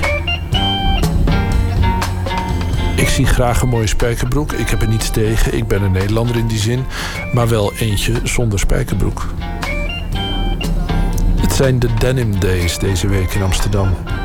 De stad ziet zichzelf graag als de spijkerbroekenhoofdstad van de wereld, met de meeste jeansbedrijven per vierkante kilometer. En ik heb een broek nodig voor een feestelijke aangelegenheid. En het aanvankelijke kledingvoorschrift van die avond is goddank getemperd van gala naar feestelijk, wat voor mij nog steeds beangstigend is. Dus ik rijd door de spijkerbroekenhoofdstad naar de winkel waar ik mijn broeken koop. Die winkel verkoopt vooral spijkerbroeken. Ik vraag me af of een spijkerbroek feestelijk kan zijn. Ik zal het zo eens vragen. When I wake up in the morning light, I pull on my jeans and I feel alright. Ik heb er toen de 50 in zicht kwam een keer een spijkerbroek gekocht. Was mijn eerste in die winkel. En mijn laatste. Een midlife broek, denk ik. Trok hem aan, draaide hem om, maakte in de spiegel van mijn achterkant een foto en stuurde hem aan mijn vrouw. Moet je nou eens kijken, schreef ik erbij.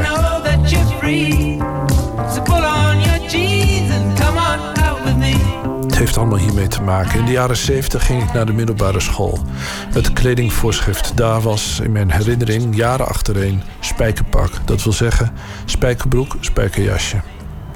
In dat jasje twee borstzakjes. In een van die borstzakjes een pakje check. De wereld was blauw van de jeans, de pakjes check en de rook. Love jeans, love jeans, love jeans, love jeans. Elke bovenkomt loopt die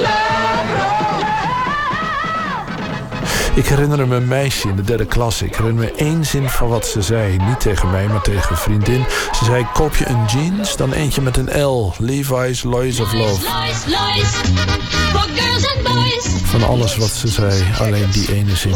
Oh ja, ook, ook haar achternaam. Haar achternaam was, heel toepasselijk, blauw. Als gegoten. For girls and boys. Kijk, ik mocht geen spijkerpak. Ook geen spijkerbroek. Mijn moeder vond het niet goed. Ja, ik vond het zo'n... eh Ik vond het niet mooi, want die eerste jeans, dat was echt van dat harde, vieze spul.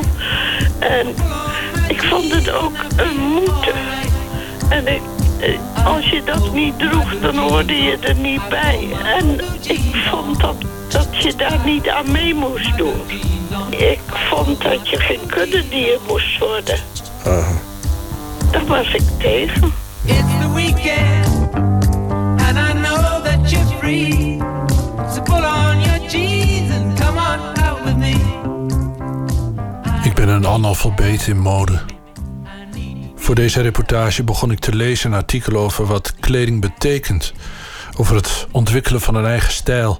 En ik las dat het zoeken en vinden van een eigen stijl gelijk opgaat met het zoeken en vinden van de eigen persoonlijkheid. Veel voltrekt zich natuurlijk juist in de tocht van kind naar volwassene als je almaar groeit.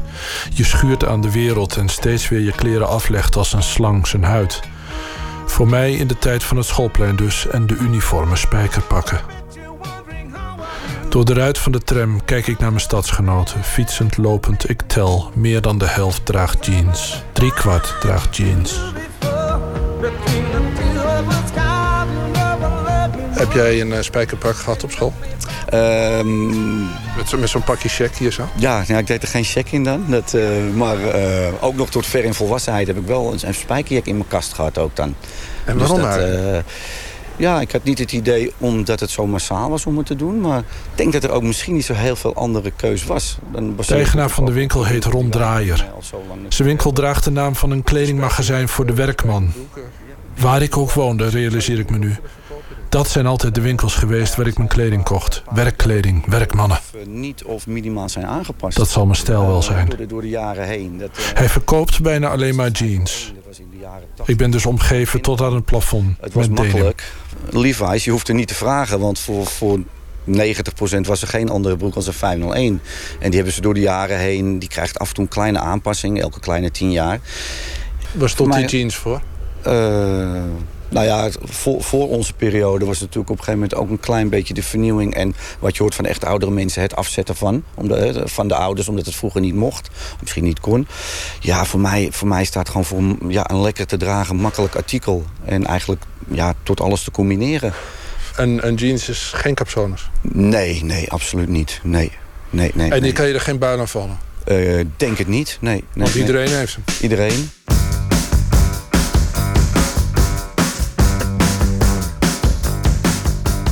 Toch altijd een spanningsveld tussen aan de ene kant erbij horen, aan de andere kant eigen identiteit? Ja, ja. Nou, ik moet zeggen, zeker, eh, zeker in de jaren tachtig was het vooral... eh, en dan praten we in eerste instantie even over de, de toppen toen. Dat is de 501 van Levi's. Probeerde je wel eens, als iemand het pas was, te vertellen... Goh, er zijn nog een paar opties, want misschien... Maar toen was het echt voor veel erbij horen. Dat is één hele sterke trend, namelijk eh, vertrouwdheid, zonder capsones erbij horen. Zo is het nou eenmaal. Maar aan de andere kant heb je ook een trend dat die broeken proberen om er iets eigens Ja. mee uit te drukken. En er zijn allerlei middelen, voor. dat je ook met je eigen jeans in bad moest. En, eh, Dan moest hij naar je, op de een of andere manier naar je lichaam gaan, hè, ja, gaan krimpen. Ja, ik moet zeggen, op het moment is het toch heel veel eh, donker, maar wel de gewassen versie. Of eigenlijk alles wat we op het moment hebben. Dus dan koop je hem juist op maat en dan rekt hij mee. Dus en toen kwamen de scheuren. ja, Hoe verklaar je dat het feit dat, dat Nederland zo dol is op die spijkerbroeken? Ja, ja, misschien toch een stukje dat vooruitlopende. Eigen gerijden. Dat, eh, eh, alleen ja, op een gegeven moment krijg je weer van... de massa loopt er weer in. Wat wordt de volgende stap? Kijk, Maar weet Ja. je wel, ik wil nou zo'n zo'n broek aandoen die ik niet aan mocht. En dit is mijn maat, wat denk je? Ja, met de knoop los moeten we zo gezegd even kijken aan de binnenkant. Oh, oh, met de Dat, knoop los. eh, dat wordt nu al feestelijk. Wacht, ja, ik even, even vasthouden? Ja, ja, ja.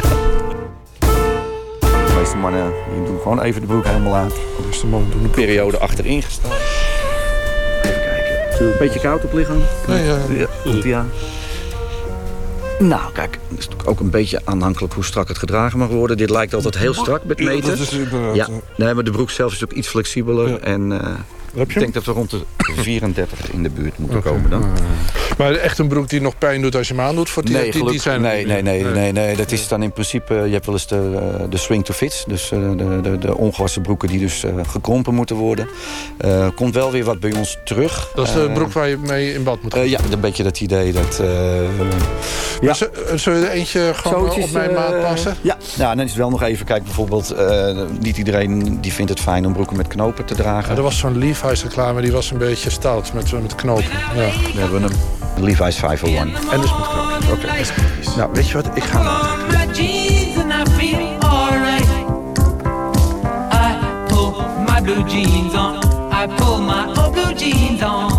Daar staan we, leeftijdgenoten.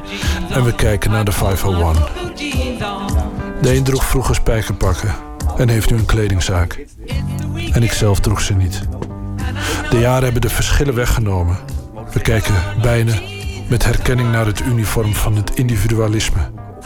De spijkerbroek.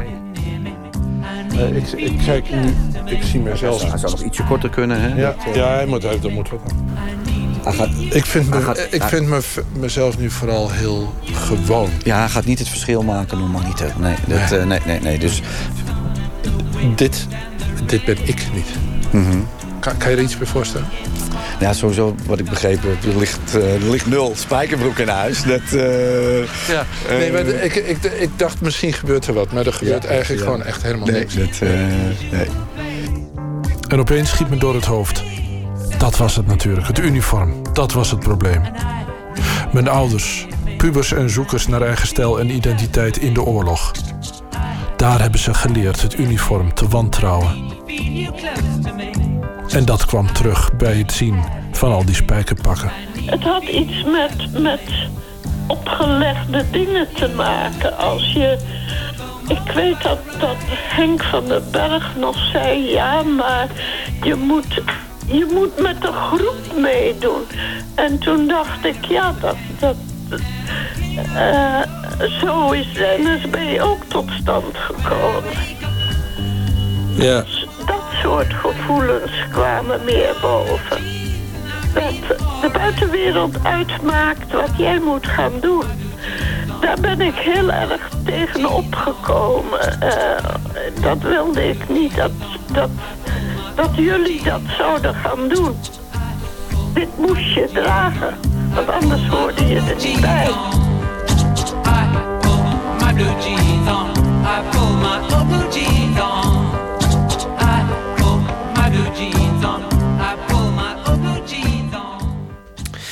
Een bijdrage van Matthijs Deen naar aanleiding van de Denim Days, het spijkerbroekenfestijn nog tot en met zondag in Amsterdam. Curtis Harding met Lead Me On.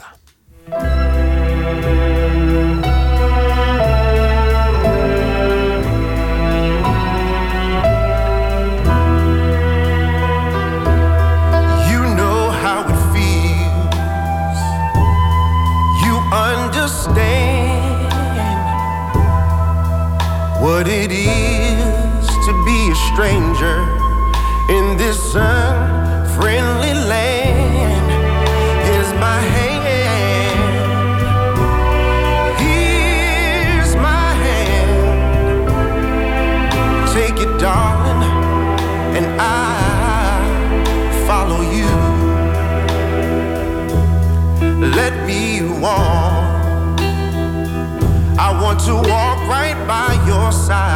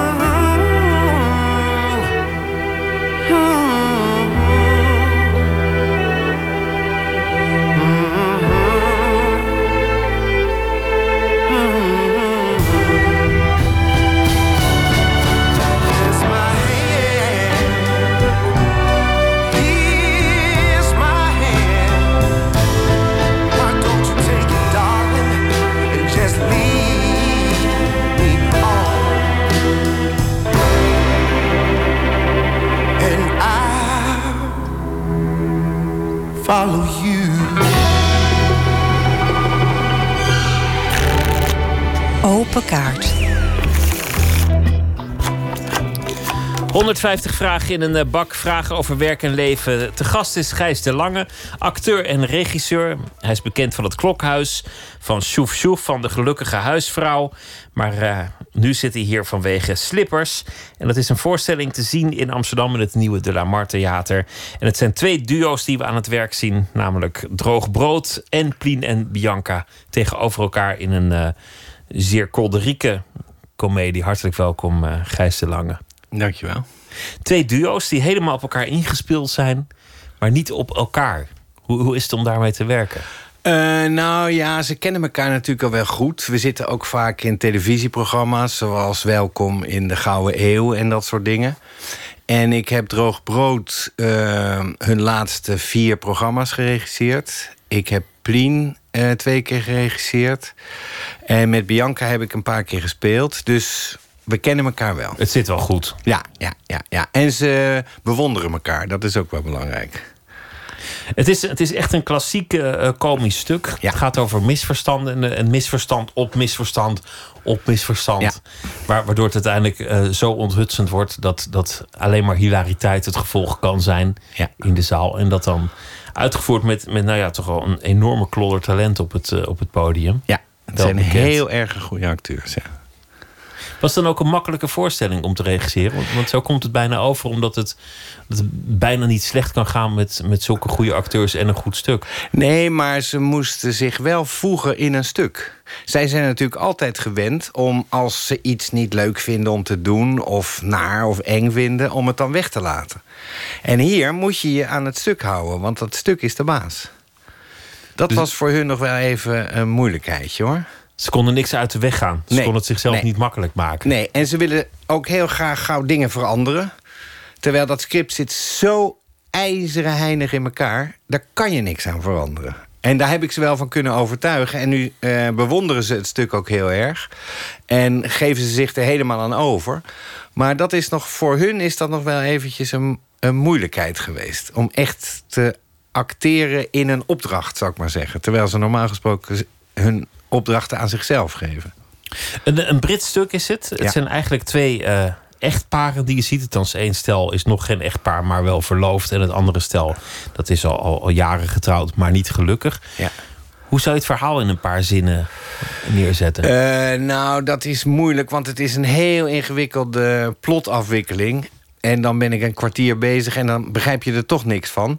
Maar waar het over gaat is een comedy of errors. Dus in de eerste scène wordt de situatie geschetst. Daar valt ook helemaal niet zoveel te lachen nog. Dat moet je heel zuiver en zorgvuldig doen. En daarna explodeert het misverstand.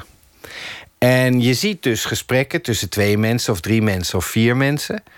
En dat zijn heel samenhangende gesprekken. Alleen jij als toeschouwer weet dat die mensen het over heel verschillende onderwerpen hebben. Of over heel verschillende personen hebben. En toch klopt hun dialoog voor hun ogenschijnlijk. Alleen wij als toeschouwer weten dat het niet klopt. En dat genereert de humor. En dan wordt het nog iets ingewikkelder als sommige betrokkenen wel doorhebben dat het een misverstand Ja. is, maar belang hebben bij het in stand houden van dit misverstand. Ja, ja, omdat ze snel denkend erachter zijn gekomen dat het eigenlijk wel gunstig is als Ja. dat misverstand blijft bestaan. Ja. Nou ja, en dan, eh, dan is de, de hilariteit compleet. En, en een wonderlijke prestatie van, van de toneelschrijver om het ook nog op te lossen. Ja. Want het is zo'n zo'n kluwe dat, dat je denkt, hoe komen ze hier Het is uit? briljant, maar die man is mathematisch. Hij eh, denkt een jaar na over een stuk. Hoe dat in elkaar moet zitten. Wie er nu af moet. Om een scène te krijgen tussen die twee. En dan moet die er weer bij komen. En dan moet een ander iemand af. Om een ontwikkeling te krijgen tussen die andere twee. En die constructie heeft hij helemaal in zijn hoofd uitgedacht. In een jaar. En dan schrijft hij het stuk in twee, drie weken.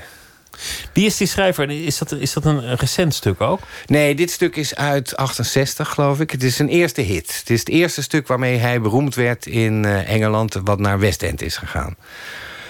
Maar hij schrijft ieder jaar een stuk. Hij eh, produceert net als Woody Allen ieder jaar een film. Hij produceert ieder jaar een stuk.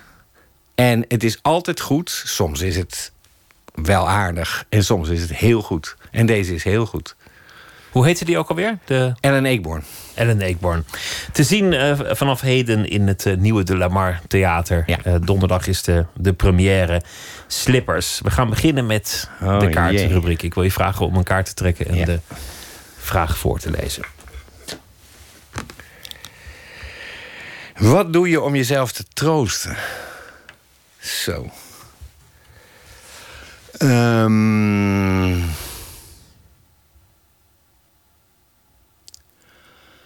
Dat is een moeilijke zeg. Ik ga in ieder geval altijd heel erg. Ik ben dus verdrietig, hè, neem ik aan. Want ik moet getroost worden. Ja. Dan duik ik diep in het verdriet. Ik laat het verdriet helemaal door me heen stromen. En ik vind het niet erg dat ik verdrietig ben. En dan lost dat verdriet zich langzaam op. Als ik dat verdriet wegdruk, als ik er niet mee te maken wil hebben, als ik ga, hard ga werken om het verdriet maar niet te voelen, blijft het altijd aanwezig. Als ik het diep doorvoel, gaat het over. Dus ik denk dat ik dat doe om mezelf te troosten. Heb je daar rituelen bij? Dat diep doorvoelen van, van het Eh, leed? nou, ik mediteer al twintig jaar. Dat heeft er wel mee te maken. Elke dag? Ja. Gewoon eh, ramen en deuren dicht en dan, dan Ja, dan zitten? zit ik op een kussentje en dan doe ik zen-meditatie. Hoe lang? Hoe lang? 25 minuten. Oh, dat valt nog wel mee, dat is te overzien. Ja, ja, ja. Ik ga ook wel eens naar zo'n zen-retraite. Dan doe je het van s morgens eh, half vijf tot s avonds tien aan één stuk door. Wel met pauzes erin, maar... Hoe is het op je pad gekomen, dat mediteren? Nou, dat is een heel verhaal hoor. Ik, sp- ik zal het kort proberen te vertellen. Ik moest een rol overnemen van een acteur bij Toneel Amsterdam. En ik was zelf nog aan het regisseren. En eh, Geert-Jan Reinders, mijn baas, die zei... kan je die rol niet overnemen? Eh, het is maar één monoloog. En je hoeft alleen maar stil te zitten. En dat was een stuk dat speelde zich af in een psychiatrische inrichting. Dus allemaal mensen die eh, crisissen hadden... en verpleegsters die heen en weer renden. En zo'n enorme chaos. En er zat één iemand tussen doodstil voor zich uit te staren. Dat stond in de regieaanwijzing.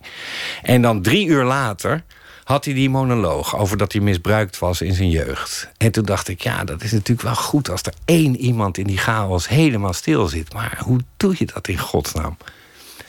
En toen ben ik naar de boekwinkel gegaan, en, maar ik wist helemaal niet waar ik moest zoeken. En toen vond ik een boekje zelfhypnose voor iedereen. Ik dacht, dat ga ik doen. Ik ga kijken of ik mezelf onder hypnose kan brengen. En daar stonden dan aanwijzingen in. Dan moest je helemaal rechtop zitten. Je mocht niet leunen tegen je stoel. Je moest je rug rechtop strekken. Je moest naar een punt een meter voor je op de grond kijken. En eh, je ademhaling heel erg eh, bewust volgen. En dan moest je je voorstellen dat je langs een beekje liep... en iedere stap op een steen steeds lager de berg afdaalde langs dat beekje. En iedere keer als je afleidende gedachten had, moest je die laten gaan. En moest je weer teruggaan naar je ademhaling. En naar dat beeld van dat beekje waar je naar beneden stapte. Dus dat ging ik doen. Maar ja, eh, eh, dat lukte je in het begin helemaal niet. Dat probeerde ik wel. Maar ik kreeg last van mijn rug. Ik kreeg pijn in mijn rug na tien minuten. En ik ergerde me aan mijn collega's. Jezus, Hein van der Heijden, neem nog een pauze. Weet je, het duurde maar. Toen eh, landde er een vlieg op mijn wang. Maar ik mocht niet bewegen. Dat had ik mezelf eh, opgelegd. En ik speelde dus meteen een try-out. Ik heb dit niet gerepeteerd. Daar was geen tijd voor. Dus ik zat meteen vast in een voorstelling. Dus ik kon echt niet bewegen. En eh, toen liet ik die vlieg gewoon over mijn wang lopen. Ik concentreerde me daarop. En toen merkte ik dat ik die jeuk eigenlijk niet meer voelde. Ik voelde alleen die vlieg lo- lopen. Maar die jeuk, de, de, de weerzin die ik tegen dat beest had, die was ineens weg. En toen achter mij zat een groepje patiënten, acteurs, eh, tijdschriften te lezen. Hadden ze daar neergelegd om de tijd te doden. En toen hoorde ik het verschil tussen de story en de avenue in papier. En Kees Hulst, die liep achter mij weg en die had een lange regenjas aan. En toen voelde ik pas na een minuut de luchtstroom in mijn handen komen. Die hij veroorzaakt had met die eh, regenjas. Dus ik werd heel erg opmerkzaam. En toen ineens, in een split second, eh, gebeurde er iets. Er was geen verschil tussen mij en de wereld. Ik kan het niet anders omschrijven dan dit. Je werd één met, met ik werd het geheel. één met mijn omgeving. En de tranen van geluk stroomden over mijn wangen. En ik zei, ik ben maar, ben maar en ben. Dat is een regel van Leopold, geloof ik. En toen dacht ik, er is helemaal geen probleem. Dit is het leven zoals het zich afspeelt. En ik ben daar een ademend onderdeel van. Ik kan het niet anders omschrijven dan dit. Het klinkt waarschijnlijk als flauwekul. Maar het was een hele intense, diepe ervaring. Dus, nou, en daarna eh, deed ik die monoloog. Het was de voorstelling afgelopen. En toen vertelde ik aan mijn collega's wat ik had meegemaakt. Dat was een gebied in mijn geest waar ik nog nooit gewandeld had. En toen zei Janine Brocht, dat was de dramaturg van Toneel op Amsterdam... die zei, ja, maar je hebt gewoon zenmeditatie zitten doen. En toen ben ik me daarin gaan verdiepen. En zo is het begonnen. En zo is Elke de dag meditatie in 25 mijn minuten. leven gekomen. Geweldig. Wil je nog zo'n kaart trekken? Ja, tuurlijk. Nou, wat makkelijker, hoop ik. Heb je een held? Ehm, ja. eh, Geert-Jan Reiners is een van mijn helden. Die was mijn leraar op de toneelschool. En daar heb ik twintig jaar eh, onder zijn regie gespeeld. Die heeft me heel erg veel geleerd. Ton Lutz is een held van mij. Die heeft me ook heel erg veel geleerd. Die eh, zag ik een keer spelen. En ik had gehoord van acteurs die in Amsterdam op toneelschool hadden gezeten... dat hij ze goed les kon geven. En toen heb ik hem een brief geschreven... als je een rol voor me hebt, wil ik graag met je werken. En toen eh, zat ik bij hem en had ik niet zo'n grote rol... maar ik was iedere dag op de repetitie om te kijken hoe hij dat deed. Daar heb ik heel veel van opgestoken. Dat zijn wel twee grote helden van me. Grote helden, grote Ja. theatermakers. Ja. Trek er nog een. Ben je wel eens in therapie geweest? Ja, zeker. Ik ben in, eh, eh, bij een haptonoom geweest toen ik eh, last had van stemmingswisselingen. En ik was altijd heel erg in mijn hoofd. En wat, wat doet een haptonoom? Dat Ja, die raakt je aan. Op allerlei plekken drukken. En ik kende mijn lichaam eigenlijk niet zo goed. Ik kan helemaal niet dansen en zo. Dat was op toneelschool altijd al een probleem. Ik was een denkertje. En eh, die zei, ja, maar jij komt helemaal niet bij je gevoel. En daarom komen die stemmingswisselingen. Jij, voel, jij hebt helemaal niet in de gaten wanneer je wat voelt. En dat door zijn handen op bepaalde plekken te leggen... eh, ging, er- was, ik ineens in tranen. Of dan greep hij me in die eh, pees in je lies... en die draaide die zo om. Dan verga je van de pijn. Dus ik, wat? En hij zei, voel het nou, voel het nou. En toen voelde ik het en toen dacht ik... het is eigenlijk best te hebben. Toen zei ik, kijk, en dat moet je nou doen. Al die gevoelens die jij hebt, probeer je weg te redeneren... en eh, weg te douwen. Laat dat nou eens gewoon toe. Dat heeft me wel heel erg geholpen. En toen ben ik later, later ben ik nog eens in eh, relatietherapie geweest. Heeft het geholpen? Dat heeft tot een scheiding geleid. Oh ja, nou ja. Nou ja, dat is ook helpen. Het was niet de inzet waarschijnlijk, maar eh, het heeft dan toch iets gedaan. Ja, ja, ja. Laten we er nog een doen. Grappig is dit. Wat is je favoriete gereedschap? Nou, geen. Ja, mijn vulpen. Maar Nou ja, dat is ook gereedschap. Dat is ook gereedschap. Je hebt Nee. hem ook bij je. Je hebt hem Ik, zelfs... ik heb hem aan mijn overhemd hangen. Dan kan ik heel snel hem pakken om aantekeningen te maken tijdens de voorstelling. Ehm, nee, ik ben ongenadig onhandig. Dus al het gereedschap is voor mij verboden terrein. Alles met knutselen besteed je uit. Ja, ik, als ik, ik heb een boormachine. En eh, mijn ex vroeg, kan je niet even daar een haakje ophangen? Ik denk, nou oké, ik ga het gewoon doen. En ik zet die boormachine erop. En bij iedereen gaat hij erin. En bij mij gaat hij hier heel raar draaien. En zit er een gigantisch gat in de muur. Ik kan het niet. Ik heb twee linkerhanden. Ik ook. Dus eh, We kunnen ik- elkaar de linkerhand schudden. Heerlijk. Trek nog een kaart.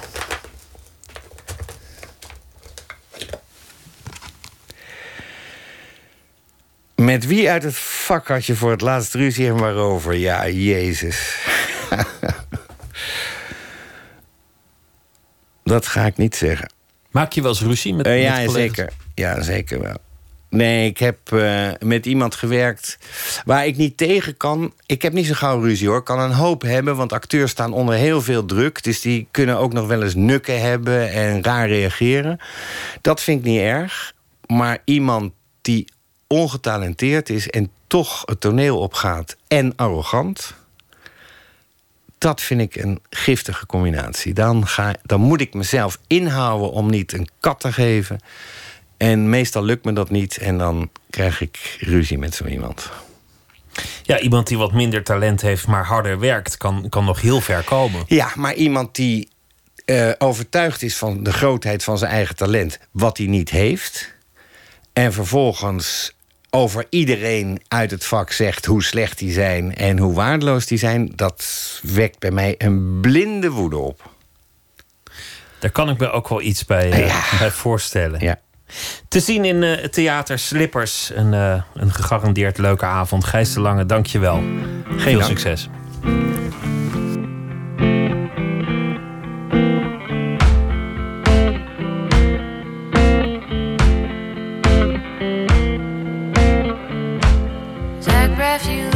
Like my dad.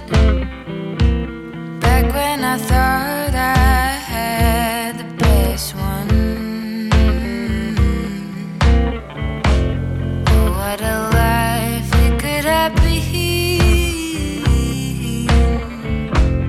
Me in the cradle, you on the screen. But you're too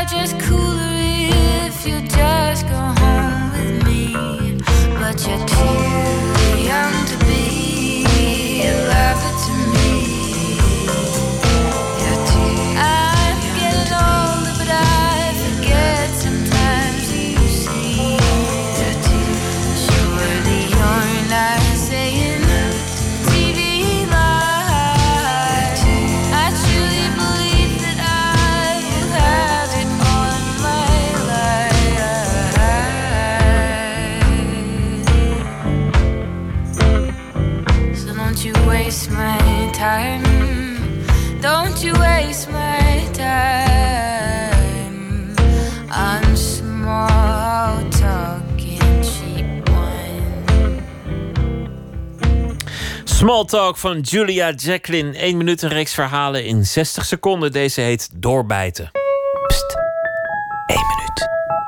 Ik had altijd het idee van, nou, als ik ooit in zo'n situatie terechtkom... trek ik zijn haren eruit of dan krap ik, eh, steek ik mijn nagels in een oog. Of ja, ik bijt iemand net zo lang totdat ik bloed proef.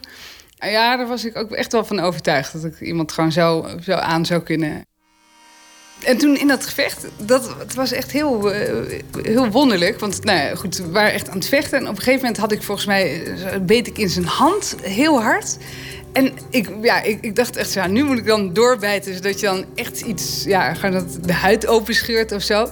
Maar tegelijkertijd had ik ook zo'n soort ge- gevoel wat me weer hield. Ben je helemaal gek geworden dat je zoiets ergs doet. Dat, eh, ja. En toen op een gegeven moment ben ik maar heel hard gaan gillen. Echt, ja, echt zo, zo'n zo'n vrouwengil. En eh, nou ja, toen sprong die op en rende die weg. Het was eigenlijk heel, ja, een beetje een teleurstelling dat ik had hem gebeten en geslagen. En dan eigenlijk uiteindelijk dat stomme vrouwengilletje, dat joeg hem op de vlucht. Eén minuut gemaakt door Katinka Beer.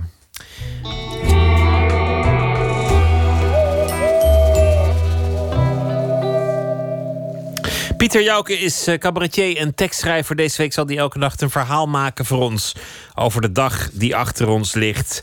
Pieter, goeienacht. Goeienacht. Ja, vertel eens, wat, eh, wat is, zal je bijblijven over deze dag? Poeh, ehm, vandaag was mijn, eh, was mijn zoontje heel ziek. Dus ik ben even met hem naar het ziekenhuis geweest. Hij had eh migraineaanvallen sinds gisteren al. En het was heel verdrietig om hem zo, om zo ziek te zien. En, dus eh, ik, ik heb echt het grootste gedeelte van de dag in het, eh, in het ziekenhuis gezeten. En wat, wat gebeurt er dan in zo'n ziekenhuis? Werd je, werd je bezorgd ontvangen? Of, of moest je gewoon heel lang wachten? Nou, ik, het, wat, ik- wat me opviel was dat het zo bijzonder is dat je gewoon een ziekenhuis in kunt lopen. En dat je een, met een pasje zwaait. En dat, dat dan iemand voor je kind zorgt. En die stopt op een gegeven moment met huilen. En iedereen is heel aardig. En ze vragen of ik lunch wil. En, eh, en op enig moment, eh, na uren eh, lang allemaal mensen te spreken... ga je weg met medicijnen. En is alles al lang goed. Dat is toch bizar? Ja, dat is, dat is een, een fantastische verworvenheid natuurlijk. Ongelooflijk. Dat dat niet alleen voor de ultra-ultra-rijken is. Nee, nou ja, ja dat, zijn we natuurlijk wel, de ultra-rijken. Ja, ja, relatief globaal. Maar dat dan niet binnen dit rijke landje het ook nog zo is dat ze zeggen... Nou, joh, onder de twee ton heb je hier niks te zoeken. Nee, nee, nee, precies, nee, nee. Nee, in de, eh, in, in dat, op dat gebied niet, nee, zeker. En wat is je opgevallen in de, in de wereld? Waar gaat je verhaal over? Eh, ik zag dat eh, in, eh, in Thailand willen ze in Bangkok voedselkramen eh, van de straat halen. Dat is toch wel een wezenlijk onderdeel van het beeld dat ik van Bangkok heb. Ja, dat dacht ik dus ook. Vraag me af wat er dan nog overblijft Ja. van dat beeld. Eh, eh, smok? Ja, nou ja, is ook mooi. Ja. Ik ben benieuwd naar het verhaal. Ga je gang. Wandelen in plaats van eten is dubbele winst. Op straat eet je niet en verbrand je wel. Ik wandelde met een vriend die ik eens tegenkwam toen ik met mijn zoontje van Parijs naar Eindhoven fietste. Mijn zoontje was zeven en we stonden op een grasveldje zonder lammetjes tegenover een ander tentje. De bewoner daarvan bleek ook thuis vlakbij te wonen. Dus nu wandel ik met hem. En hij vertelde me dat Bangkok voedselkramen op straat wil weren. De Thaise hoofdstad wil de ruimte teruggeven aan de voetgangers van de stad. Terwijl de wandelvriend dit vertelde, werd hij voor zijn potverdikkie gereden... door een brommertje op weg naar iemand zonder smaak, maar met zin in pizza. Ik was ooit in Bangkok. Mijn gezin en ik, we aten alleen maar maaltijden van de straat. Ik hou van scherp, maar ik kan er slecht tegen. Dus nooit heb ik harder gehuild dan tijdens het genieten van die maaltijden. En nooit heb ik daar gedacht...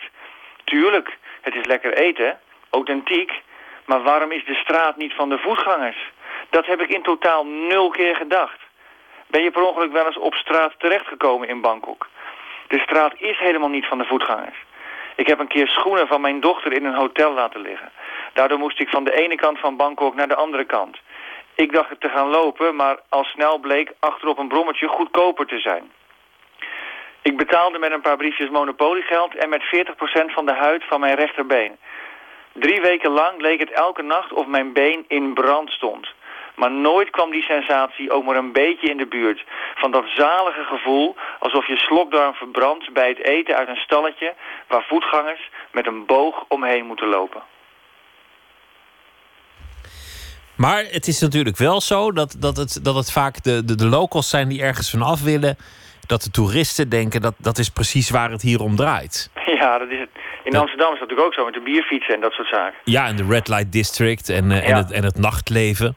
daar dat daar willen, willen de Amsterdammers en de gemeente vanaf, terwijl de toeristen er juist altijd voor komen. Ja. En volgens mij is dat met alle plekken in de wereld dat, dat de toeristen iets in stand willen houden waar de, de plaatselijke bevolking al lang vanaf wil. Ja, behalve misschien als het om natuur gaat. Oh, daar moet ik even over nadenken. Vertel eens. Nou ja, als je in, in Nieuw-Zeeland komt, dan, dan, dan kan je daar komen voor, voor prachtige wandelingen in de natuur. En dat wordt ontzettend goed behouden door allerlei rangers en, en mensen eh, in, in national parks. En ik heb het gevoel dat daar wel het hele, het, he- het hele volk voor, voor warm loopt. Oh, nou dat klinkt, eh, dat klinkt mooi. Wandelen lijkt wel het, eh, het thema te worden van je verhalen deze week. ja, ik, ik ben er bang voor. ik ben benieuwd wat je, wat je morgen vindt. Goeienacht, Pieter Jouke. Goeienacht.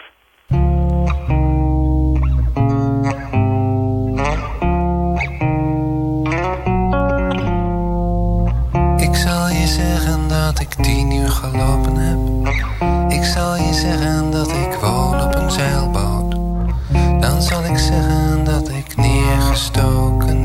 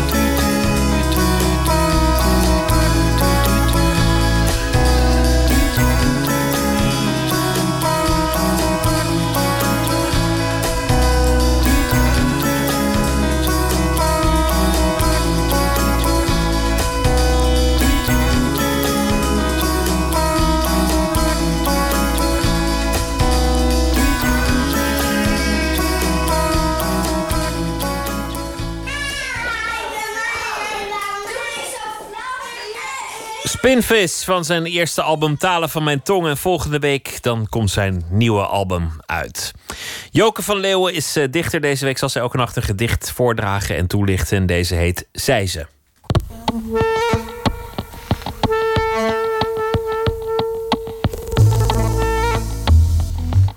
Zei ze. Zei ze hadden we nieuwe ontferming besteld wij. Ze zouden die brengen, de nieuwe ontferming, op vrijdag. Zeggen ze vrijdag, kan het op zaterdag? Zeggen we ja, maar dan wel in de morgen. Zeggen ze gaat niet, dat gaat niet de morgen. Zeg mij maar goed, dan kom ik die zelf halen. Zaterdag dan in de morgen, dat kan? Ja, dat kan, zeggen ze. Komt hij daar zaterdag nergens ontferming? Zegt hij, hoezo niet? Die zou er toch wezen? Nee, nee, die is er niet. Komt u maar vrijdag. Zegt hij, wat vrijdag? Ik moet die meteen. Zeggen ze, gaat niet, die is nog niet binnen. Zegt hij, u zei toch dat die er nu was? Zeiden ze, moeten we zeggen van niet dan? Wilt u dat horen? Van zeggen van niet. Ja, dit zijn eigenlijk twee stijlen door elkaar. Een soort eh, supermarktstijl. En ik gebruik zo'n gebeeldhouwd woord als ontferming. Ik ben opgegroeid op een heel vrije manier protestants. Maar wel met die gebeeldhouwde woorden zoals ontferming, goedertierenheid, barmhartigheid. En die heb ik hier door elkaar gegooid. Ik vind het mooie woorden trouwens die we niet kwijt moeten raken. zei ze. Zei ze hadden we nieuwe ontferming besteld wij. Ze zouden die brengen, de nieuwe ontferming, op vrijdag. Zeggen ze vrijdag kan het op zaterdag? Zeggen we ja, maar dan wel in de morgen. Zeggen ze gaat niet, dat gaat niet de morgen. Zeg mij maar goed, dan kom ik die zelf halen. Zaterdag dan in de morgen, dat kan? Ja, dat kan, zeggen ze. Komt hij daar zaterdag nergens ontferming? Zegt hij, hoezo niet, die zou er toch wezen? Nee, nee, die is er niet, komt hij maar vrijdag. Zegt hij, wat vrijdag, ik moet die meteen. Zeggen ze, gaat niet, die is nog niet binnen. Zegt hij, u zei toch dat die er nu was? Zeiden ze, moeten we zeggen van niet dan? Wilt u dat horen? Van zeggen van niet. Joke van Leeuwen las het gedicht Zij ze morgen in Nooit meer slapen. Dan komt Thomas Beijer op bezoek, pianist, componist, schrijver. Hij heeft een eh, boek geschreven, Geen Jalapenos. Dat gaat over een pianist, een dichter en een cellist... die hun zelfbeeld moeten bijstellen tegen hun dertigste. Hoe ga je om met het besef dat je niet bent geworden... dat je dacht dat je zou worden? Dat allemaal eh, morgen in Nooit meer slapen. Voor nu een hele goede nacht.